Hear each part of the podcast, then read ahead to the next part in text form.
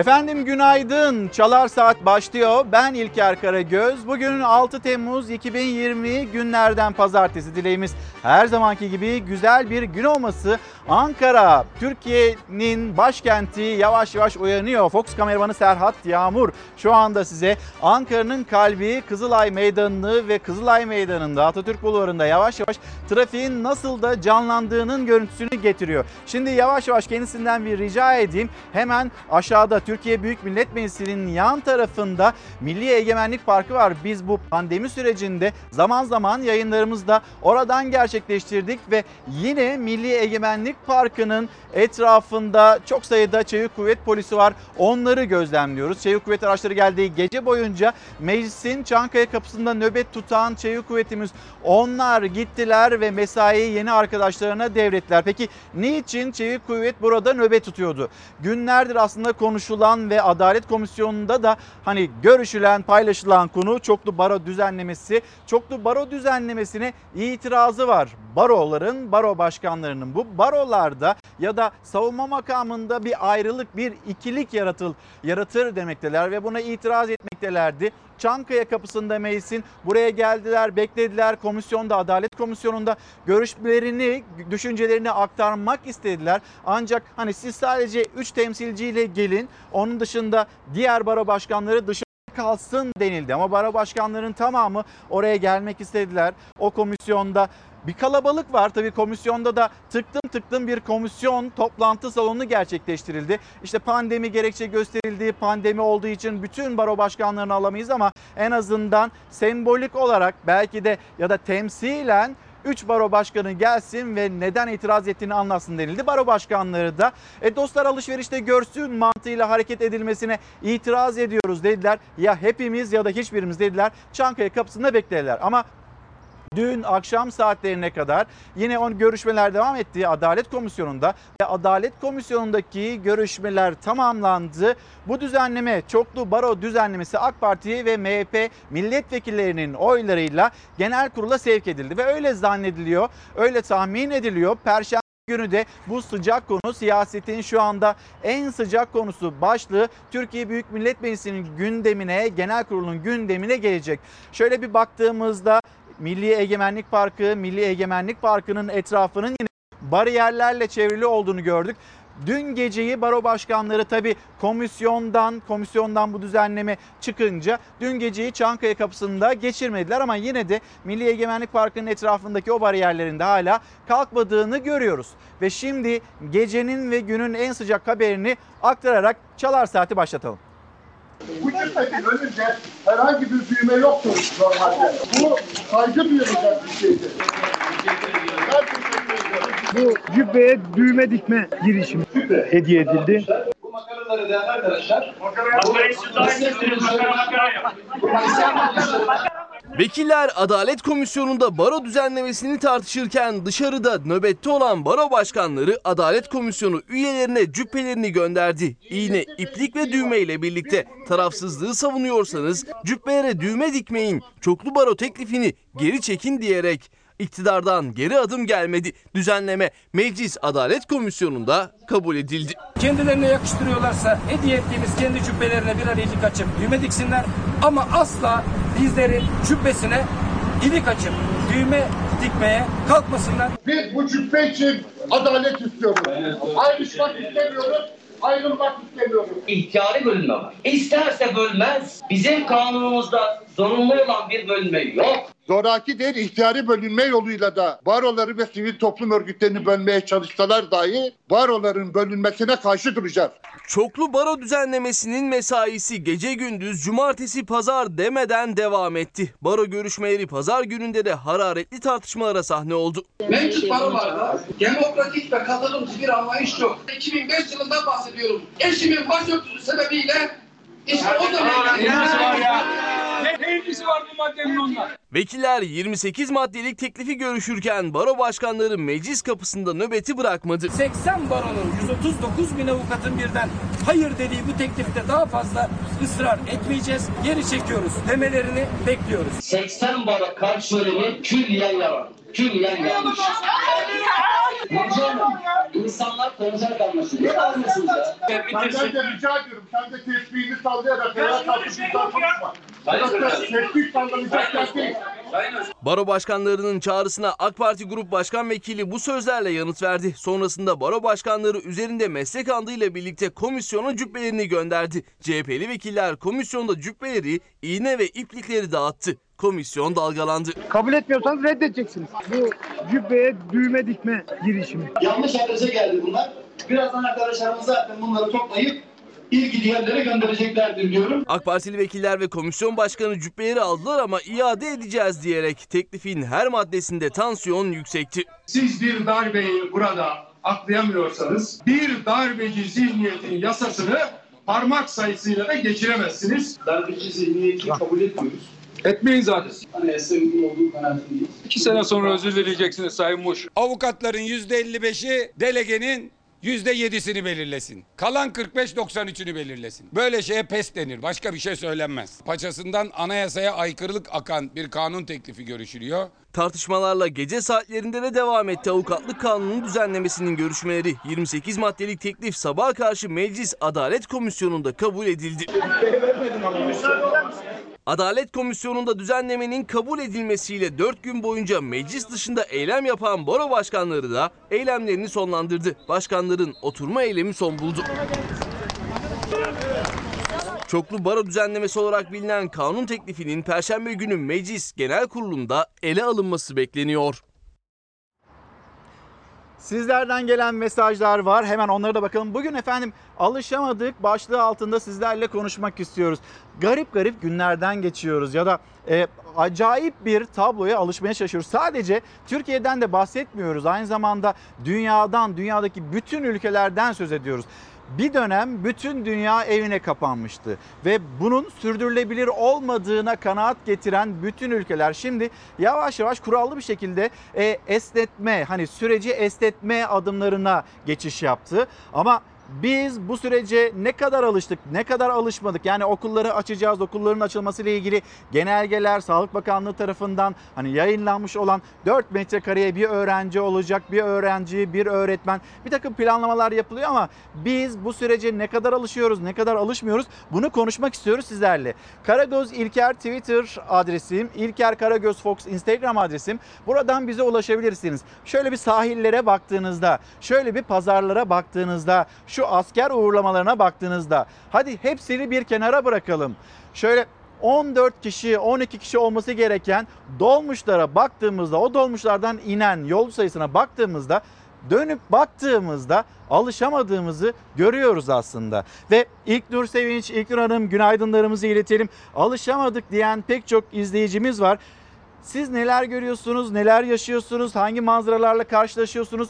Lütfen bu mesajları da bizlere ulaştırın alışamadık başlığı altında. Hemen ben de sizlerle bir Milliyet Gazetesi, Milliyet Gazetesi'nin manşetini paylaşmış olayım. İşte yeni okul hayatı alışmamız gereken ama alışıp alışamayacağımızı da şu an itibariyle çok fazla da bilemediğimiz bir durumla karşı karşıyayız. Eğitimde detaylı Covid-19 önlemleri. Sağlık Bakanlığı 31 Ağustos'ta açılacak okullarda alınacak önlemleri içeren rehber yayınladı. Buna göre öğrencilerde veya aile bireylerinde Covid-19 belirtisi görülmesi halinde okula ivediye bilgi verilmesini içeren taahhütname imzalatılacak. Peki o zamana kadar hani bir zaman dilimi geçecek ya da belki ihmal edildi, belki tedbirsiz davranıldı, belki söylenmesi unutuldu. O zamana kadar o hani çocuktan diğer çocuklara ya da o çocuklardan ailelerine, ailelerinden büyüklerine, toplumun geneline yayılabilecek olan virüs bunun hesabını kim verecek? Akla hemen gelen sorulardan bir tanesi bu. Bir taahhütname imzalatılacağı söyleniyor. Okullara ziyaretçi kabul edilmeyecek. Dersler en az kişi sayısıyla yapılacak. Çapraz oturma düzeni sağlanıp öğretmen ve öğrenciler arasında bir metre mesafe olacak ve maske takılacak. Evet çocuğunuzu alıyorsunuz mesela parka gidiyorsunuz. Ya da şöyle parkların kenarından geçerken gözünüzü çevirip bakıyorsunuz.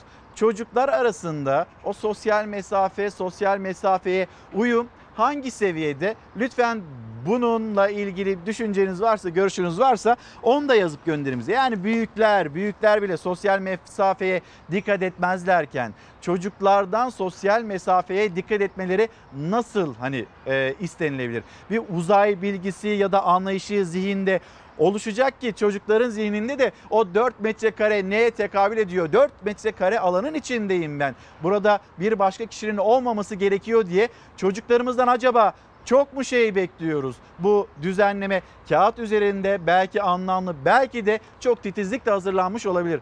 Ama büyükler bile uymuyor. Çocuklardan bunlara uyması nasıl beklenecek? Açıkçası çok garip olarak adlandırılıyor. Alışamadık. İşte alışabiliyor muyuz? Bu başlıklar altında konuşalım sizlerle. Şimdi sıradaki haberimiz tatil dönüşü. Biz bu tatil dönüşü kalabalığı hem İstanbul tarafında görüyoruz hem de Anadolu'nun kilit noktasında e, Kırıkkale'de ve civarında görüyoruz. Ne oluyor?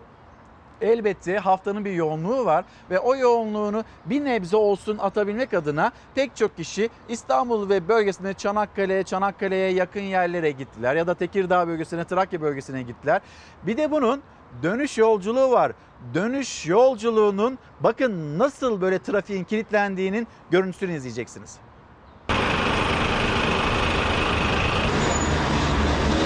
Burası İstanbul'un girişi. Kilitlenen trafiğin adresi ise 43 ilin bağlantı noktası Kırıkkale, Kilit Kavşak. Başı sonu belli olmayan bir kuyruk, tampon tampona bir yolculuk. Hafta sonu Trakya'daki illere giden Çanakkale ve güzergahındaki tatil beldelerinde haftanın yorgunluğunu atmak isteyenler pazar akşamı bu trafiğe takıldı. İstanbul yolunda 20 kilometreyi bulan uzun araç kuyrukları oluştu. Manzara Anadolu'nun kilit kavşağında da farklı değildi. Hafta sonunu yakın illerde geçiren binlerce vatandaş geri dönüş için yollara akın etti.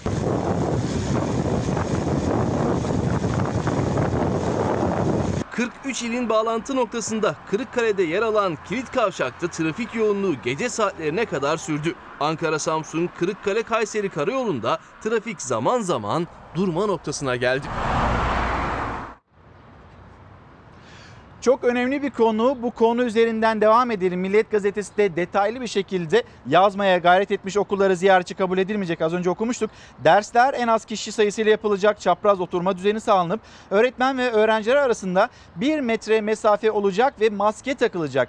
Ders araları, teneffüsler, sınıflar e, sıraya konularak düzenlenecek. Sınıf içinde yüksek sesli aktiviteler yapılmayacak. Kitap, kalem gibi malzemeler kişiye özel olacak. Böyle kalem, kalem, kalem, kalem. Milliyet gazetesi elinden geldiğince Sağlık Bakanlığı'nın almaya çalıştığı tedbirleri aktarmaya çalışıyor okurlarıyla. Karar gazetesi, Karar gazetesinin manşeti taahhütlü ders zili. Şimdi biz bugün alışamadık diyoruz ama aynı zamanda koronavirüsle ilgili birazdan burada daha önceki haftalarda da ağırladığımız bir ismi Gazi Üniversitesi'nden Profesör Doktor Esin Davutoğlu Şenol'u ağırlayacağız. Bizim soracak olduğumuz sorular var. Eğer sizin de sormak istediğiniz sorular varsa lütfen yazın gönderin Esin Davutoğlu Şenol. Ben sosyal medya üzerinden de dikkatle takip ediyorum kendisini.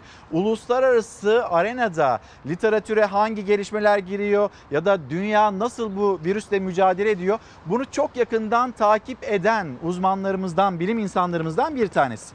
Karar Gazetesi'nin manşetine gelecek olursak, normalleşmeden sonra 3 haftadır binin altına düşmeyen vaka sayıları ailelerin okul tedirginliğini arttırdı. Aileler hani bir veli olarak ben de aileler bunun tedirginliğini yaşıyor. Çünkü uzunca bir süre bizler evlerde kaldık. Bayramlarda yine dışarılara çıkamadık. Balkonlarda bayram kutladık. Büyüklerimize gidemedik. Ama bir yandan da okulları açacağız. Çocuklarımızdan küçücük küçücük çocuklardan hani büyükler takmıyor. Biz küçücük çocuklardan maske takmasını, 4 metre kare kuralına uymasını, arkadaşıyla arasına 1 metrelik bir mesafe koymasını istiyoruz. Nasıl yapacak o çocuklar? Bunu yani uygulamada göreceğiz kuşkusuz ama ben şimdiden söyleyeyim yani parklara baktığınızda çocuklar arkadaşlarını gördüğünde yan yana oyunlarını oynuyorlar. E şimdi bir çocuktaki virüs diğer aileye ondan ona ondan ona bütün topluma yayılacak okulların açılmasıyla birlikte kuşkusuz. Ve bununla ilgili uzmanlar bir risk uyarısı da yapıyorlar. Uzmanların da risk var uyarısı yaptığı süreçte Sağlık Bakanlığı'ndan dikkat çeken adım geldi. 31 Ağustos'ta başlayacak yüz yüze eğitim öncesi velilere çocuğumda ateş, öksürük varsa göndermeyeceğim taahhütnamesi imzalatılacak. Yani buradaki sorumluluk veliye bırakılacak. Ama biz hatırlıyoruz Sağlık Bakanı Fahrettin Koca şöyle bir cümle kurdu. Bütün toplumun, toplumdaki her bireyin, herkesin sağlığından ben sorumluyum dedi. Şimdi e nasıl olacak? Yeniden böyle virüs dolaşıma girerse oradan işte bir başkasına bir başkasına bir başkasına büyüklerimize kronik hastalığı olan 65 yaş üstü büyüklerimize ulaşırsa ne olacak? Bunun sorumluluğunu kim taşıyacak? Sadece bir taahhütle velilerden alınacak bir taahhütle bunu götürebilmek ne kadar mümkün? Bunu konuşmamız gerekiyor. Bir sabah gazetesine geçiş yapalım. Akdeniz'de tuzakları yerle bir ettik. Sabah gazetesinin manşeti Cumhurbaşkanı Erdoğan'ın cümleleri. Başkan Erdoğan 52 HES'i topluca açtı. Ülkemize karşı Doğu Akdeniz'de kurulmaya çalışılan oyun ve tuzakları yerle bir ettik dedi. Birazdan vermiş olduğu mesajlar var. Onları ekranlarınıza taşıyacağız. Ama önce Geçtiğimiz günlerde iki günü önce meydana gelen bir patlama Sakarya Hendek'teki havai fişek fabrikası ve bu havai fişek fabrikasında meydana gelen patlama kaybettiğimiz insanların sayısı maalesef 6 yükseldi.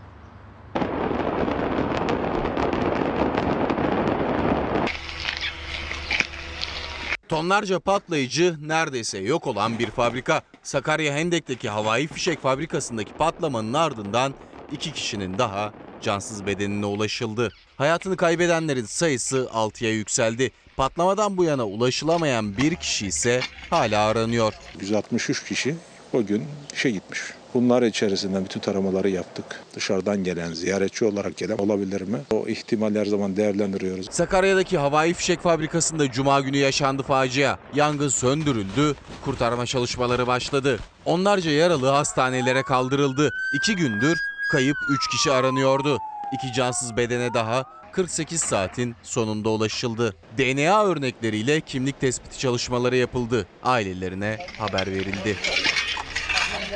Civardaki binalarda da hasar tespit çalışmalarına başlandı. Onlardan biri de fabrikaya 500 metre mesafedeki bu çiftlik eviydi. İyi ki evde değilmişsiniz. Evde olsa zaten ucuz ama gece olayı daha kötü olur. Burası fabrikaya 500 metre mesafede hasarlı araçların depolandığı bir yer olarak kullanılıyordu. Patlamanın etkisiyle yan taraftaki duvar tamamen bu araçların üzerine devrildi. Hemen arkamda bilgisayarlar var. Onlar da bu sağ taraftaki sehpanın üzerindeydi.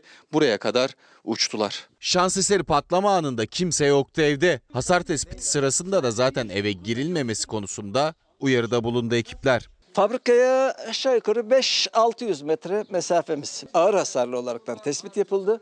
Mümkün olduğu kadar içeriye girilmemesini söylediler eee, ve boşaltın içerisine. İfade bu. Patlamanın şiddeti ortaya çıkan yeni güvenlik kamerası kayıtlarıyla da bir kez daha gözler önüne serildi. Fabrikaya 3,5 kilometre mesafedeki bir köyde böyle kaydedildi o anlar.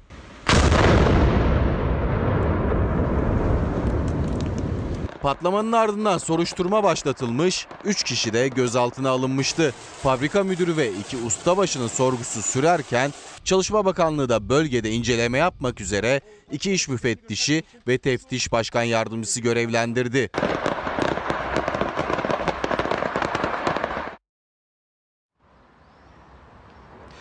Ümit Hanım günaydınlar. Adana'ya sevgilerimizi iletelim. Çok zor ve kelimenin yetersiz kaldığı bir süreçten geçiyoruz. Kesinlikle çok haklısınız. Yani bir yandan evlerdeyiz, bir yandan işte çalışma hayatı, çalışma hayatının ne kadar e, zarar gördüğünü bu süreçte e, psikolojik olarak 65 yaş üstü büyüklerimizin sonra çocuklarımızın çok uzun süre evlerde kalmak durumunda kaldığını, sokağa çıkma kısıtlamalarının yaşandığını biz unutuyoruz. Ama unutmamamız gerekiyor. Unuttuğumuzda karşımıza yine aynı görüntü, yine aynı tablo çıkacak. Farklı bir yere gitmeyecek. Yine sokak kısıtlamalarının gündeme gelmesi söz konusu olabilir. Hatta Kurban Bayramı'nda acaba yeniden bu vaka sayıları binin üzerinde seyrediyor. Acaba biraz aşağı düşürebilmek adına yeniden bir sokağa çıkma kısıtlaması uygulayalım mı uygulamayalım mı? Bilim Kurulu'nun ele aldığı konulardan bir tanesi ve Ümit Hanım Ümit Saydım'ın gönderdiği mesajda yine bununla ilgili ilginç günlerden geçiyoruz şeklinde. Bir gün gazetesine bakalım. Bir gün gazetesinin manşeti siz hangi ülkeden bahsediyorsunuz? Erdoğan, Albayrak ve Varank'ın toz pembe ekonomi tablosu çizdiği anlarda enflasyonda Haziran ayı işsizlikte Cumhuriyet tarihi rekorları kırıyordu. Üreticinin durumundan bahsetmiyoruz bile. Erdoğan 4 gün önce 5 ayda 520 fabrika açtık sözünü 6 ayda 583 olarak güncelledi. Her güne 3 fabrika. Sanayi Bakanı Varank 81 ile organize sanayi bölgesi açıldığını, sanayi siciline 6 ayda 6957 işletmenin kaydolduğunu söyledi. Albayrak ekonomik göstergelerin olumlu olduğunu ve bu tabloya tabloyla dünyada ayrıştığını, Türkiye'nin dünyada ayrıştığını e, söyledi. Ki geçtiğimiz haftalarda yapmış olduğu açıklama belki de hani dünyada dünya ekonomisini yönetenler bize kamyon çarptı diyecekler ama biz motosiklet çarptı diyeceğiz demişti Berat Albayrak ekonomiyle ilgili. Yılın ilk 3 ayında istihdam 1 milyon 133 bin azaldı. Turizm, hizmet ve inşaat sektörü çalışanları krizle boğuşuyor. Sanayi istihdamı salgının etkilerinin görülmediğini ilk 3 ayda 141 bin azaldı. Ee, üretim Nisan'da %31.4 oranında küçüldü. Ödenemeyen banka kredisi, kredi kartı ve çek senet borçlarıyla birlikte icradaki dosya sayısında rekorlar kırıldı. Ve diyor ki Bir Gün Gazetesi siz hangi ülkeden bahsediyorsunuz? Hangi ülkenin ekonomisinden bahsediyorsunuz? Yine pek çok gazetede yer almıştı. E, Almanya ikinci çeyrekte %10 küçülürken Türkiye nasıl olacak da dünyanın en büyük 10 ekonomisinden birisi olmayı başaracak? Daha cuma günü açıklandı enflasyon %12 seviyelerinde küsuratı da var. Peki bir yıl içinde yani şu demek bu aslında %12'lik enflasyon. Geçen sene 100 liraya aldığınız bir ürün bu sene 112 lira. Öyle mi peki? Çarşıya pazara çıktığınızda geçen sene 100 lira harcadığınız ürünlere, sebzelere ya da yaptığınız alışveriş sonrasında şimdi dönüp baktığınızda acaba 112 lira mı ödüyorsunuz? Sadece geçen seneden bugüne 12 liralık bir artış mı var? Yoksa daha da üzerinde bir artış mı var? Bir gün gazetesinin manşeti dikkat çekici. Fabrika denetlendi diyen yetkililere çağrı. Raporları açıklayın. Şimdi hemen Sakarya'daki o patlama, o patlamayı da hatırlatmış olalım. Havai fişek fabrikasında yaşanan patlamada hayatını kaybeden işçilerin sayısı 6'ya ulaştı.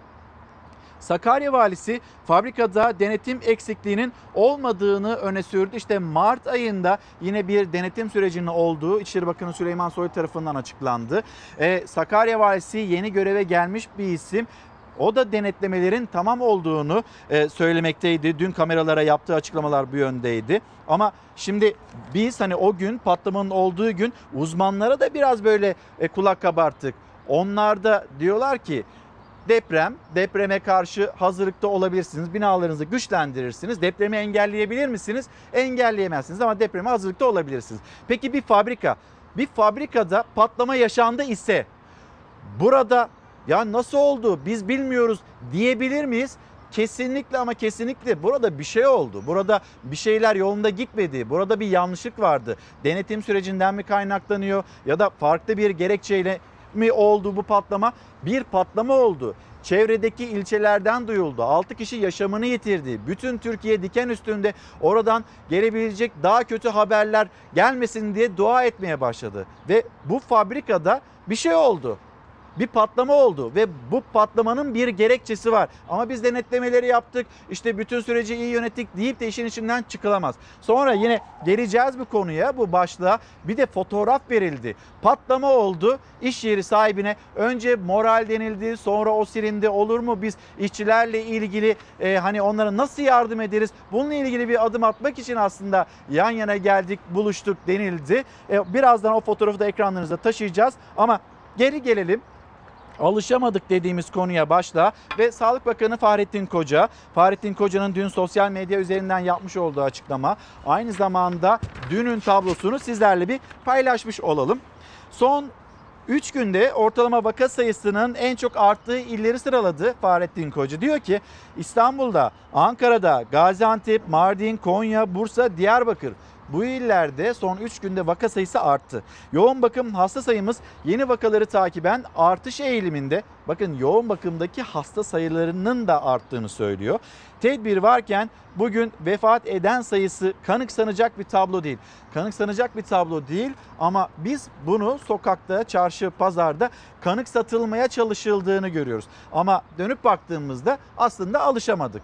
Aslında biz bu 11 Mart'tan 1 Haziran'a kadar geçen süre içinde bu dönem bitti zannediyoruz. Ama bizim yeni bir normalimiz var. Kontrollü bir sosyal hayatın olması gerekiyor. Dönüp bakıldığında kimse ona kimse demeyeyim de haksızlık olur çünkü pek çok kişinin de buna fazla dikkat etmediğini görüyoruz. Ve vaka sayısı 1148 olarak gerçekleşti ve iyileşen sayısı 1188 neredeyse birbirine yakın seviyelerde ve binin üzerinde vakayla karşı karşıya kalınıyor. 19 kişi de yaşamını yitirdi.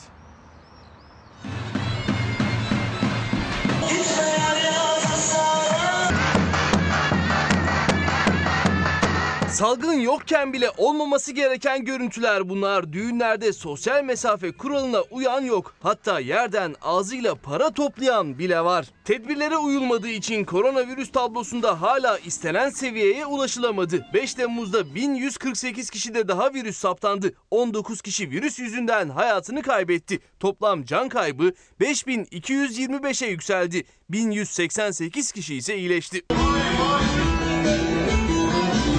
Sosyal mesafe kuralını kat kat fazla uygularsanız tatilde kat kat iyi dinlenirsiniz. Kimse üzülmesin, salgın yavaşlasın diye Sağlık Bakanlığı çalışma rehberi yayımladı. İş yerlerinde, kamuya açık alanlarda uyulması gereken tedbirler hatırlatıldı. Buna göre iş yerlerinde özellikle yemekhanelerde tek kullanımlık ürünler tercih edilecek. Ortak alanlarda maske kullanılacak. Park ve sahil gibi açık alanlarda ise en az 1 metre sosyal mesafeyle yürünmesi gerekiyor. Koşanlar hariç herkesin maske takması öneriliyor. Maske takmamışsınız. Uyarılara rağmen kalabalıklarsa meydanları doldurmaya devam ediyor. Hem de sosyal mesafe kuralına uyulmaksızın İstanbul'da İstiklal Caddesi'nde atlı polisler maske ve mesafe denetimi yaparken toplu taşıma araçlarındaki yoğunluk da farklı değil. Az geliyor. Çok sayıda gelmiyor yolcu minibüsleri. Bunu daha çoğaltmaları lazım. Her gün işe gidip geliyorum. Böyle bu yoğunlukta gidip geliyorum. Esenyurt ve Fatih'te minibüsler denetlendi. 12 kişilik minibüsten 30'dan fazla yolcu çıktı.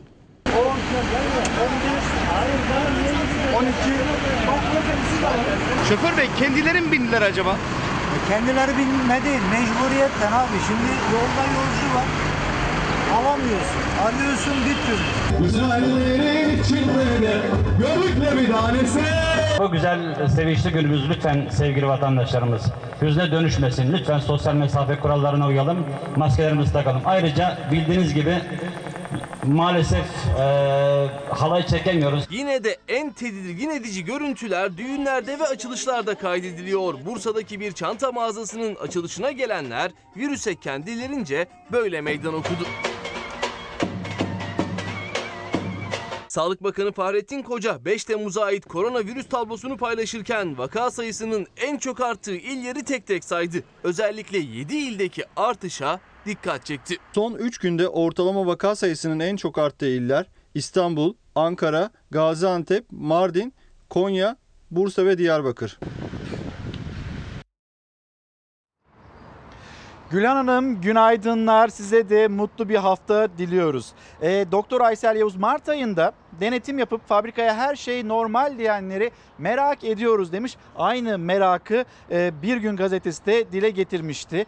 Güneş Hanım günaydınlar. Zonguldak çatal ağzından e, bize mesajını gönderiyor. Düzeltiyorum. Rumuz olarak güneşi kullanıyormuş. Bir de e, hanımefendi fotoğrafı vardı onu gördüm. Ramazan Güneş göndermiş. Selamlarımızı iletelim. Zonguldak'a ve Çatalazı'na. Burada hani termik santralden kaynaklanan bir hava kirliliği yaşadıklarını söylüyor ve bunu paylaşıyor. Yine hatırlayacaksınız bu pandemi sürecinde bazı illerde sokağa çıkma kısıtlamaları uygulandı. Hafta sonlarında işte Ankara, İstanbul, İzmir büyük şehirler sıralanıyor ve Zonguldak bir bağlaç ve Zonguldak ekleniyordu. Zonguldak'ın ekleniyor olmasının gerekçesi işte bu bölgedeki termik santrallerdi ya da işte oradaki enerji araması ve Zonguldak'ın yaşayanlarının, Zonguldaklıların işte o akciğer probleminin bu şehirde ne kadar yüksek olduğuna dikkat çekiyordu uzmanlar ve Zonguldak denilip e, orada da sokağa çıkma yasağı ilan ediliyordu. Ve şimdi Ramazan Güneş yine bunu hatırlatıyor. Çatal ağzında yaşıyoruz ve burada son birkaç gündür artan bir yoğunluktan, kirlilikten e, lütfen yetkileri uyarır mısınız demek de bunu bizlere aktarıyor. Şimdi gelen mesajlar onlara da elimden geldiğince bakmaya gayret edeceğim. Ama bir de dünyanın raporunu paylaşalım. Birazdan Esin Davutoğlu Şenol bir raporla bazı görsellerle dünyanın nereye gittiğini, Türkiye'nin nereye gittiğini bu virüsle mücadelede neleri başardığını ya da başaramadığını bunu paylaşacak bizimle. Ve tekrar söylüyorum, söylüyorum mesajınız varsa lütfen şimdiden yazın gönderin ya da yayın sırasında yetişebilirseniz mesajlarınızı bize iletin. Bir dünyanın raporuna bakalım, geri dönelim.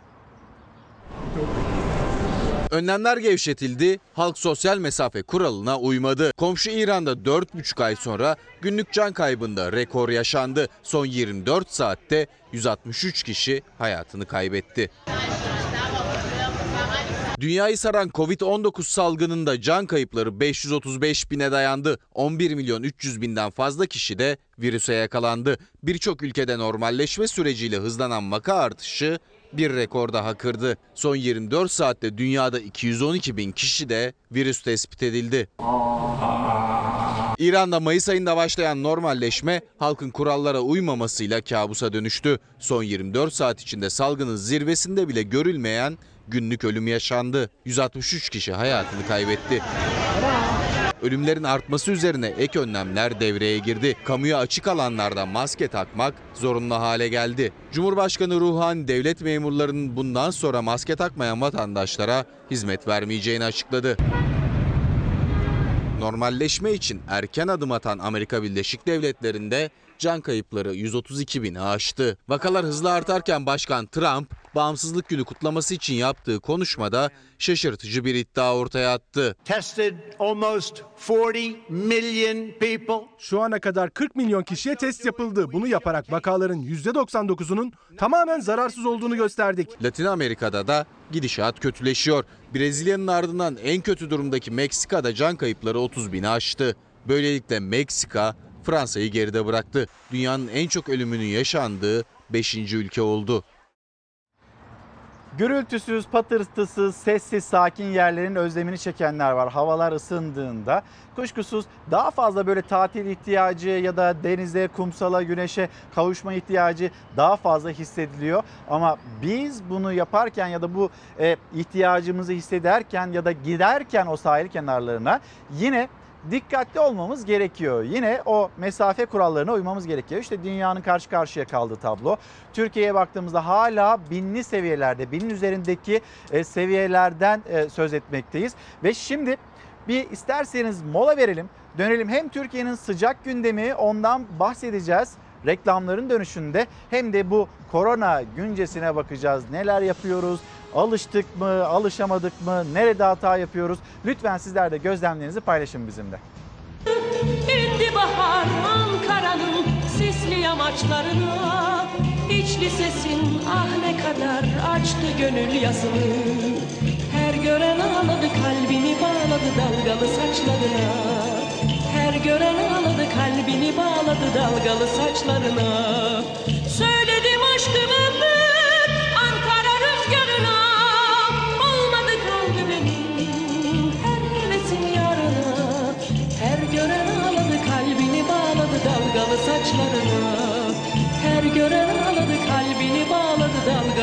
dalgalı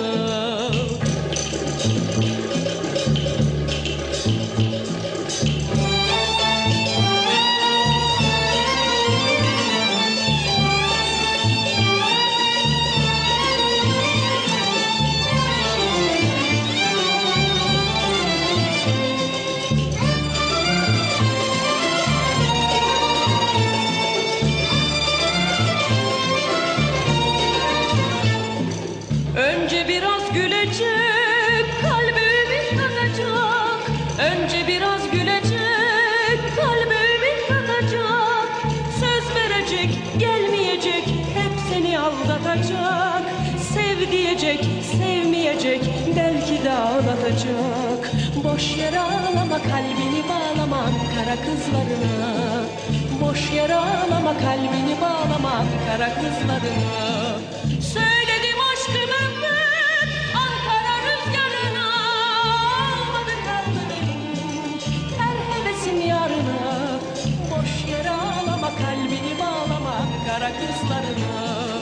Boş yere kalbini bağlama Ankara kızlarına. Nesrin Sipahi'nin yorumuyla şöyle bir e, Ankara rüzgarı estirelim istedik Çalar Saat'te. Yepyeni bir gün, yepyeni bir hafta başlıyor. Ulu Önder Mustafa Kemal Atatürk ebedi istirahatgahı Anıtkabir, Anıtkabir'i gösterelim. Oradan yavaş yavaş böyle Ankara'da böyle bugün çok sıcak bir gün yine beklenti bu yönde. Rüzgarda yok ama siyasette aslında bir rüzgar esmekte barolar üzerinden, baro tartışması üzerinden birazdan burada bir misafirimiz olacak ve misafirimiz de siyasetçi kimliği var ama daha çok hukukçu kimliğiyle konuşmak istiyoruz. Bu barolar meselesi, muhalefet niçin itiraz ediyor ve eğer bu düzenleme çıkarsa perşembe günü aslında bekleniyor genel kurula gelmesi. Maddeler tamamlandı. Adalet Komisyonu'ndan artık genel kurula sevk edildi. Peki bu düzenleme çıkarsa ne olur? Nasıl bir sakıncası var? Birazdan kendisinden e, dinleyeceğiz. Mesajlarınız var. Fatma Hanım, günaydınlar. Alışamadık başlığı altında konuşuyoruz sizlerle. Lütfen okur musunuz? Neyin bencilliği bu? İki, ikinci sınıfa geçen oğlum var ve kronik astım bronşit hastasıyız.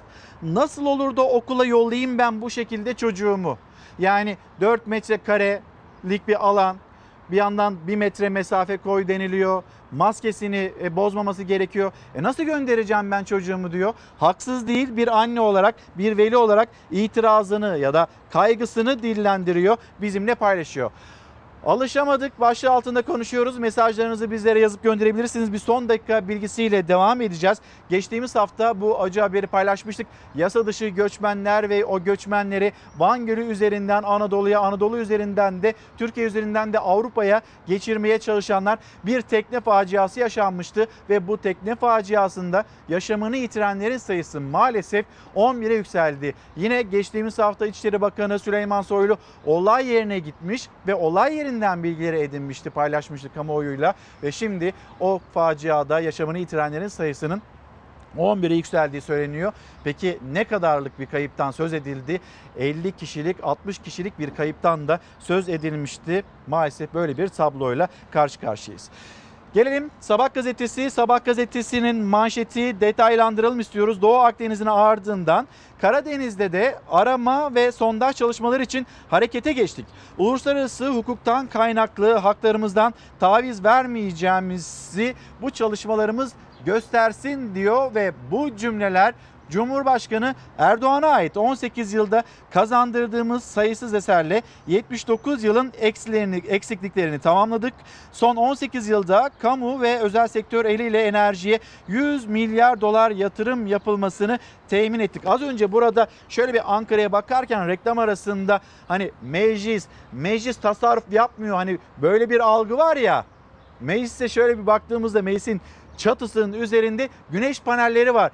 Hani vatandaşa onun da çağrısını yapmış olalım olur mu? Meclis, siyasetçiler bırakın o kiralık araçları bir kenara koyun ama aynı zamanda güneş panelleriyle e, beyaz enerjiyle bir yandan da tasarruf yapmaya çalışıyormuş. Burası Türkiye Büyük Millet Meclisi'nin çatısı. Bu görüntüyü de aktarmış olalım. Yeterli mi? Elbette yeterli değil. Emekliye bakıyoruz. Emekli geçinemiyorum diyor. Asgari ücrete bakıyoruz. Asgari ücretli geçinemiyorum diyor. Ehliyet, liyakat bu zincirin bozulduğu ile ilgili pek çok haberi görüyoruz, karşılaşıyoruz ve sizlerle paylaşıyoruz.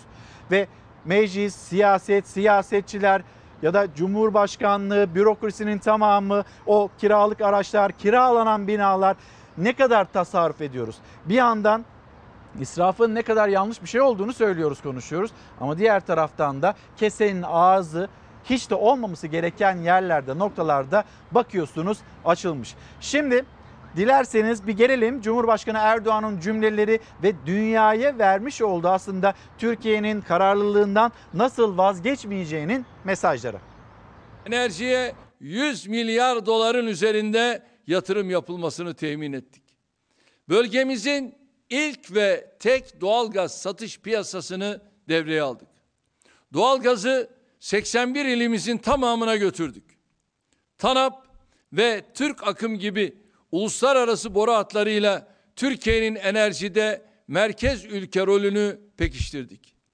Denizlerimizde Fatih ve Yavuz sondaj gemilerimizle sondaj faaliyetlerimize başladık. Böylece Türkiye'ye özellikle ülkemize karşı Doğu Akdeniz'de kurulmaya çalışan oyunları ve tuzakları yerle bir ettik. Doğu Akdeniz'in ardından Karadeniz'de de arama ve sondaj çalışmaları için harekete geçtik. Uluslararası hukuktan kaynaklı haklarımızdan taviz vermeden bu çalışmaları sürdüreceğiz.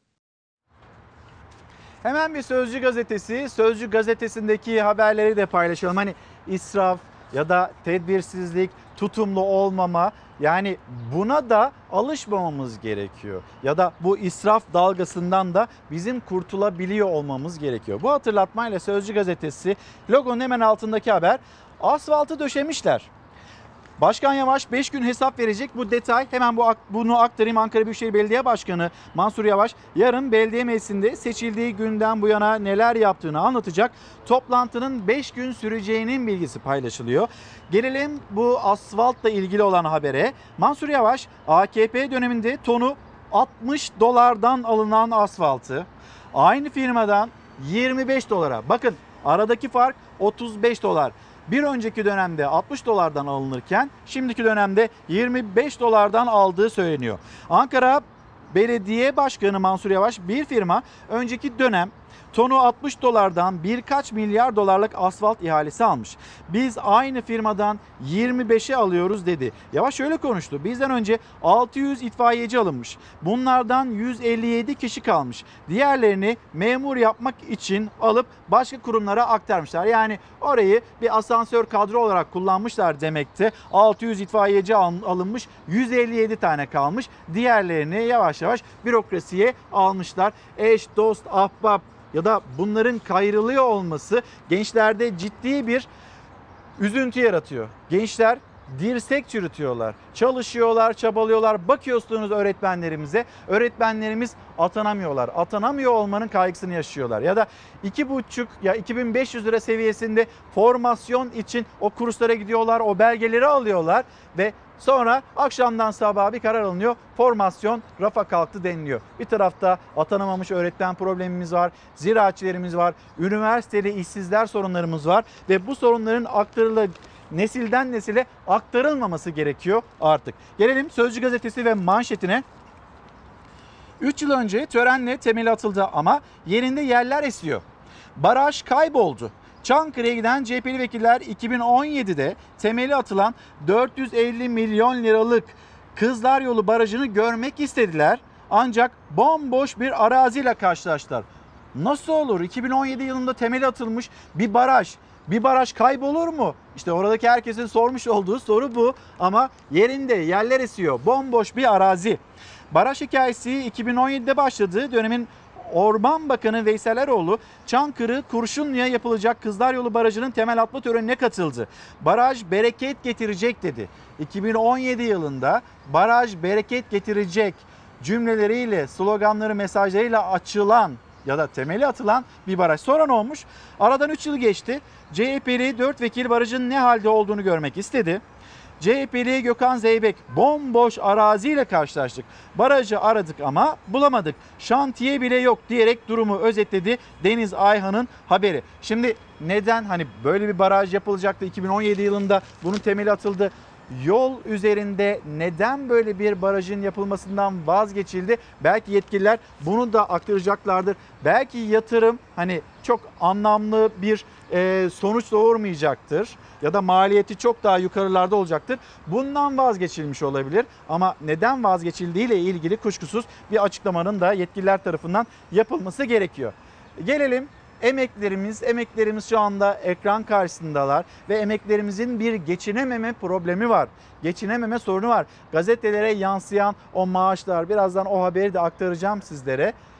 Emeklerimize hatırlayacaksınız işte 7 Haziran öncesinde muhalefetin daha doğrusu Cumhuriyet Halk Partisi'nin bir vaadiydi. Emeklilere bayramlardan önce Ramazan Bayramı ve Kurban Bayramı öncesinde biner liralık ikramiye verileceği söylenmişti. Sonra işte rakipleri ya nereden bulacaksın bu kaynağı da emeklilere böyle bir para vereceksin bizim böyle bir vaadimiz yok denilmişti. 7 Haziran'da ortaya çıkan tablodan sonraki hatırlayacaksınız biz 1 Kasım'da bir seçime daha gittik. Sonra e, AK Parti onlar da yine emeklerimiz için bir ikramiye e, vaadinde bulundular. O gün bugündür biner liralık ikramiyeler veriliyor emeklilere. Ama o gün bugündür hayat aynı pahalılıkta mı? Hayır değil elbette. Bakıyorsunuz geçen seneyi oranladığınızda bile işte enflasyon öyle söylüyor. Geçen sene 100 liraya aldığınız bu sene 112 lira. %10, e, %12 seviyelerinde bir tablodan bahsediyoruz. Ama şimdi emekliler onların ikramiyeleri hala ama hala yerinde sayıyor. 1000 lira kurbanlık almaya yetmiyor. Bu bayram ikramiyesi hiç dese yüzde elli zam yapsın hani bir buçuk yapsın hani. Bir şey almıyor ki hiç bin lirayla. Kurbanlık alabiliyor musun? Yok canım nerede alıyorsun şimdi? Kurbanlık alabilirsiniz bin lirayla. Kilo alamaz. Bin lirayla ne alacak ki? Bin lira dediğiniz zaten 10-12 kilo et. Emeklinin gücü yetmiyor ki. Yani dar geldiğinde zaten kesemiyor ki. Emekliye bayram ikramiyesi verilen ilk yıl 1000 lira bir kurbanlık parasıydı. Üçüncü kurban bayramı geldi. Kurbanlık fiyatları yükseldi. Emeklinin bayram ikramiyesi ise yerinde saydı. Artık küçük baş kurbanlığa bile yetmiyor o para. Bir koyun geliyor 50 kilo gelse bugün 25'ten 1250 lira yapıyor. E, emeklinin de zaten 1000 lira geliri var. Yine alamıyor. 1000 lirayla 40 kilo falan. alıyor. Canlı. Canlı 40 kilo. 40 kiloya var mı elinizde? Var. Hangisi? Mesela şu boylar. Şu. Kemiklerini saydım. Aynen öyle. 40 kilo onlar. Bunlar da 1800, 2000, 2200 arası değişiyor.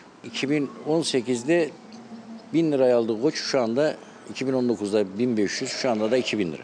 Yani iki senede %100. Bin liralık ilk bayram ikramiyesi 2018 yılında verildi emekliye. O yıl Diyanet'in açıkladığı vekalet yoluyla kurbanlık bedeli 850 liraydı. 150 lirası da bayram alışverişine kalıyordu emeklinin. Bu yıl 975 lira. Elde kalan sadece 25 lira. Fiyatlarını açıklamaya başlayan marketlerde ise küçük baş için kesim fiyatı ortalama 1300 lira. Yani ikramiyenin çok üstünde. Emeklinin bayram ikramiyesi 3 yıldır hiç değişmedi. Aynı kaldı 1000 lira. Kurbanlık fiyatları ise her yıl biraz daha yükseldi. Emekli kurbanlık alacağım dese en ucuzu 1200 lira.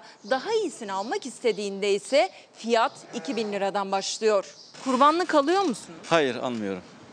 Var mı sebebi? Ee, var tabii. Emeklilik maaşımız yetmiyor. Ancak e, kira, gaz, elektrik, su faturaları kurbanlık alacak gücümüz yok. Artan enflasyon, yükselen kurbanlık fiyatları, emekliler bayram ikramiyelerinin en azından bir küçük baş kurbanlığa yetmesini istiyor. Yine bin lira. Bu parayla bir şey ol- olmayacağını biliyoruz. Can Bey, Can Kaynardağ günaydın. Emeklilerimizle ilgili güzel bir haber almak istiyoruz ama maalesef o güzel haberleri de duyamıyoruz, göremiyoruz demekte kendisi. İzmir'e de selamlarımızı iletelim. Şimdi bir misafirimiz var. İyi Parti Genel Sekreteri Uğur Poyraz misafirimiz.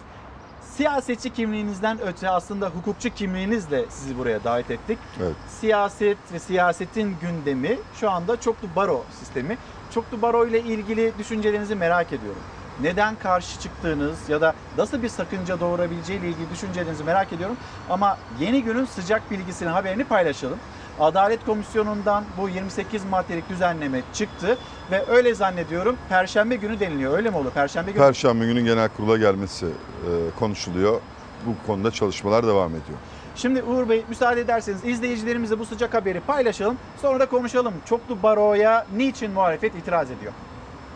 Bu cümlenin önünde herhangi bir düğme yoktur normalde. Bu saygı duyulacak bir şeydir.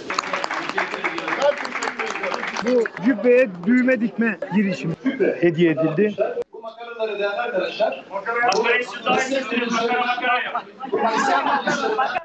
Vekiller Adalet Komisyonu'nda baro düzenlemesini tartışırken dışarıda nöbette olan baro başkanları Adalet Komisyonu üyelerine cübbelerini gönderdi. İğne, iplik ve düğme ile birlikte tarafsızlığı savunuyorsanız cübbelere düğme dikmeyin, çoklu baro teklifini geri çekin diyerek iktidardan geri adım gelmedi. Düzenleme Meclis Adalet Komisyonu'nda kabul edildi. Kendilerine yakıştırıyorlarsa hediye ettiğimiz kendi cübbelerine birer ilik açıp düğme diksinler.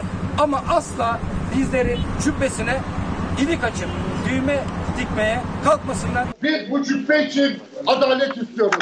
Ayrışmak istemiyoruz, ayrılmak istemiyoruz. İhtiyari bölünme var. İsterse bölmez. Bizim kanunumuzda zorunlu olan bir bölünme yok. Zoraki değil, ihtiyari bölünme yoluyla da baroları ve sivil toplum örgütlerini bölmeye çalışsalar dahi baroların bölünmesine karşı duracağız.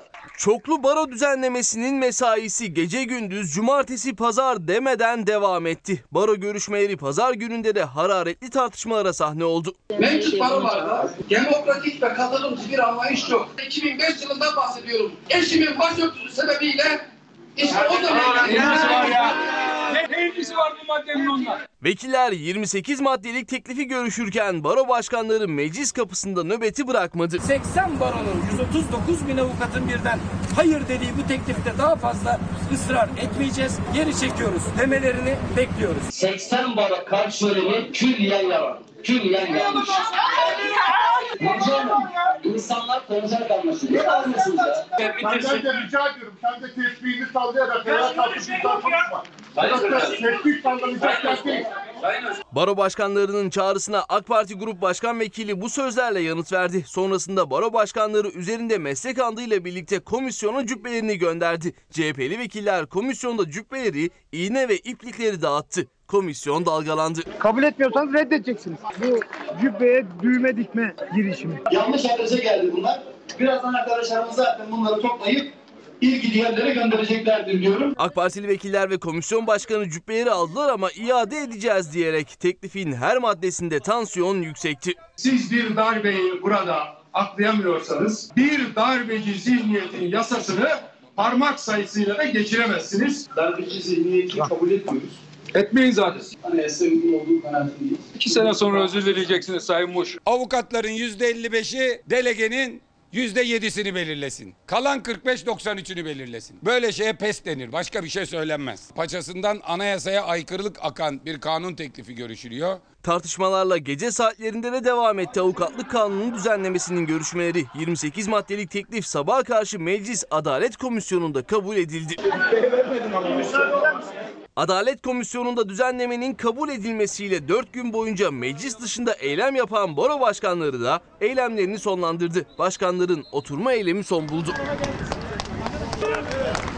Çoklu baro düzenlemesi olarak bilinen kanun teklifinin Perşembe günü Meclis Genel Kurulu'nda ele alınması bekleniyor. Bir mesaj bir de haber paylaşayım hemen. Hüseyin Bey göndermiş. Mardin'de iki aydır elektrikler kesik. Borçlu borçsuz ayrım yapılmadan kırsal kesimdeki tüm evlerin elektriğini de kesmişler. Hayvanlar susuzluktan telef oluyor. Yetkilileri sesimizi duyurun demekte. Bir gün gazetesi, bir gün gazetesinin ilk sayfasındaki haber kaosa sürükleneceğiz. Bu çoklu baro sistemi, çoklu baro sisteminin Adalet Komisyonu'ndan çıkması, genel kurula sevk edilmesi ve sonrasında olabileceklerle ilgili, ihtimallerle ilgili bir haber toplanmış bir gün gazetesinde iddiaları kaosa sürüklenilebileceği şeklinde muhalefetin.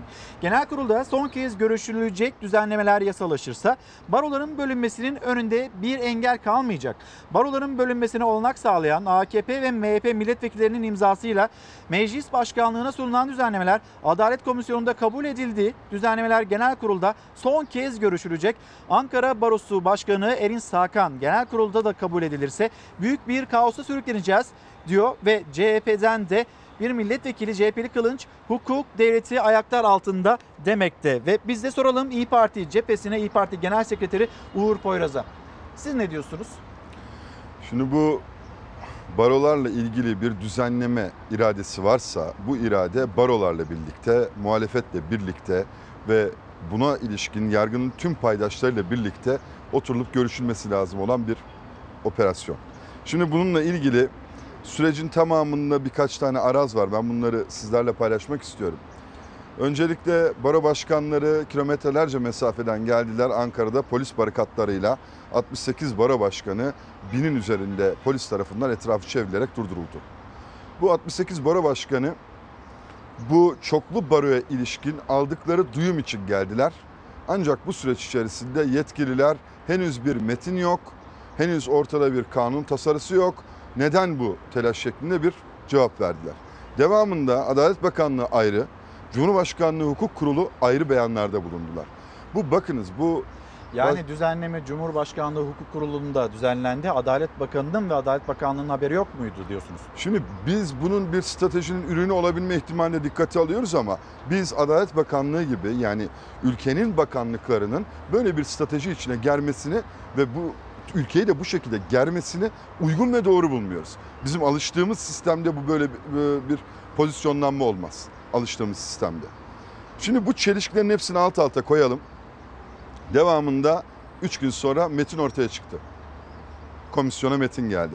Metinle çoklu baro denen bir sistem öngörülüyor. Bunun da temsilde adaleti sağlayabilmek için olduğu söyleniyor. Temsilde adaletten kastımız ne?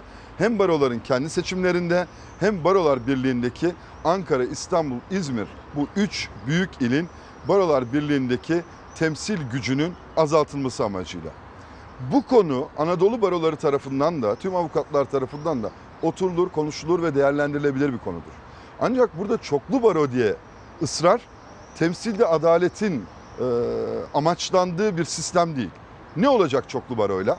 Çoklu baroyla şu olacak. A barosu, B barosu, C barosu. Büyük iller için söylüyorum. Burada da kastedilen Ankara, İstanbul, İzmir, kısmen e, Antalya.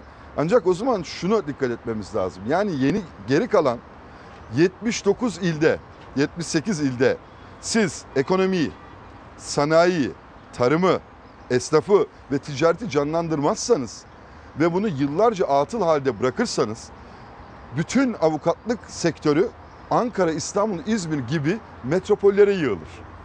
Bununla ilgili iktidar şunu önüne koyup düşünmesi gerekiyor.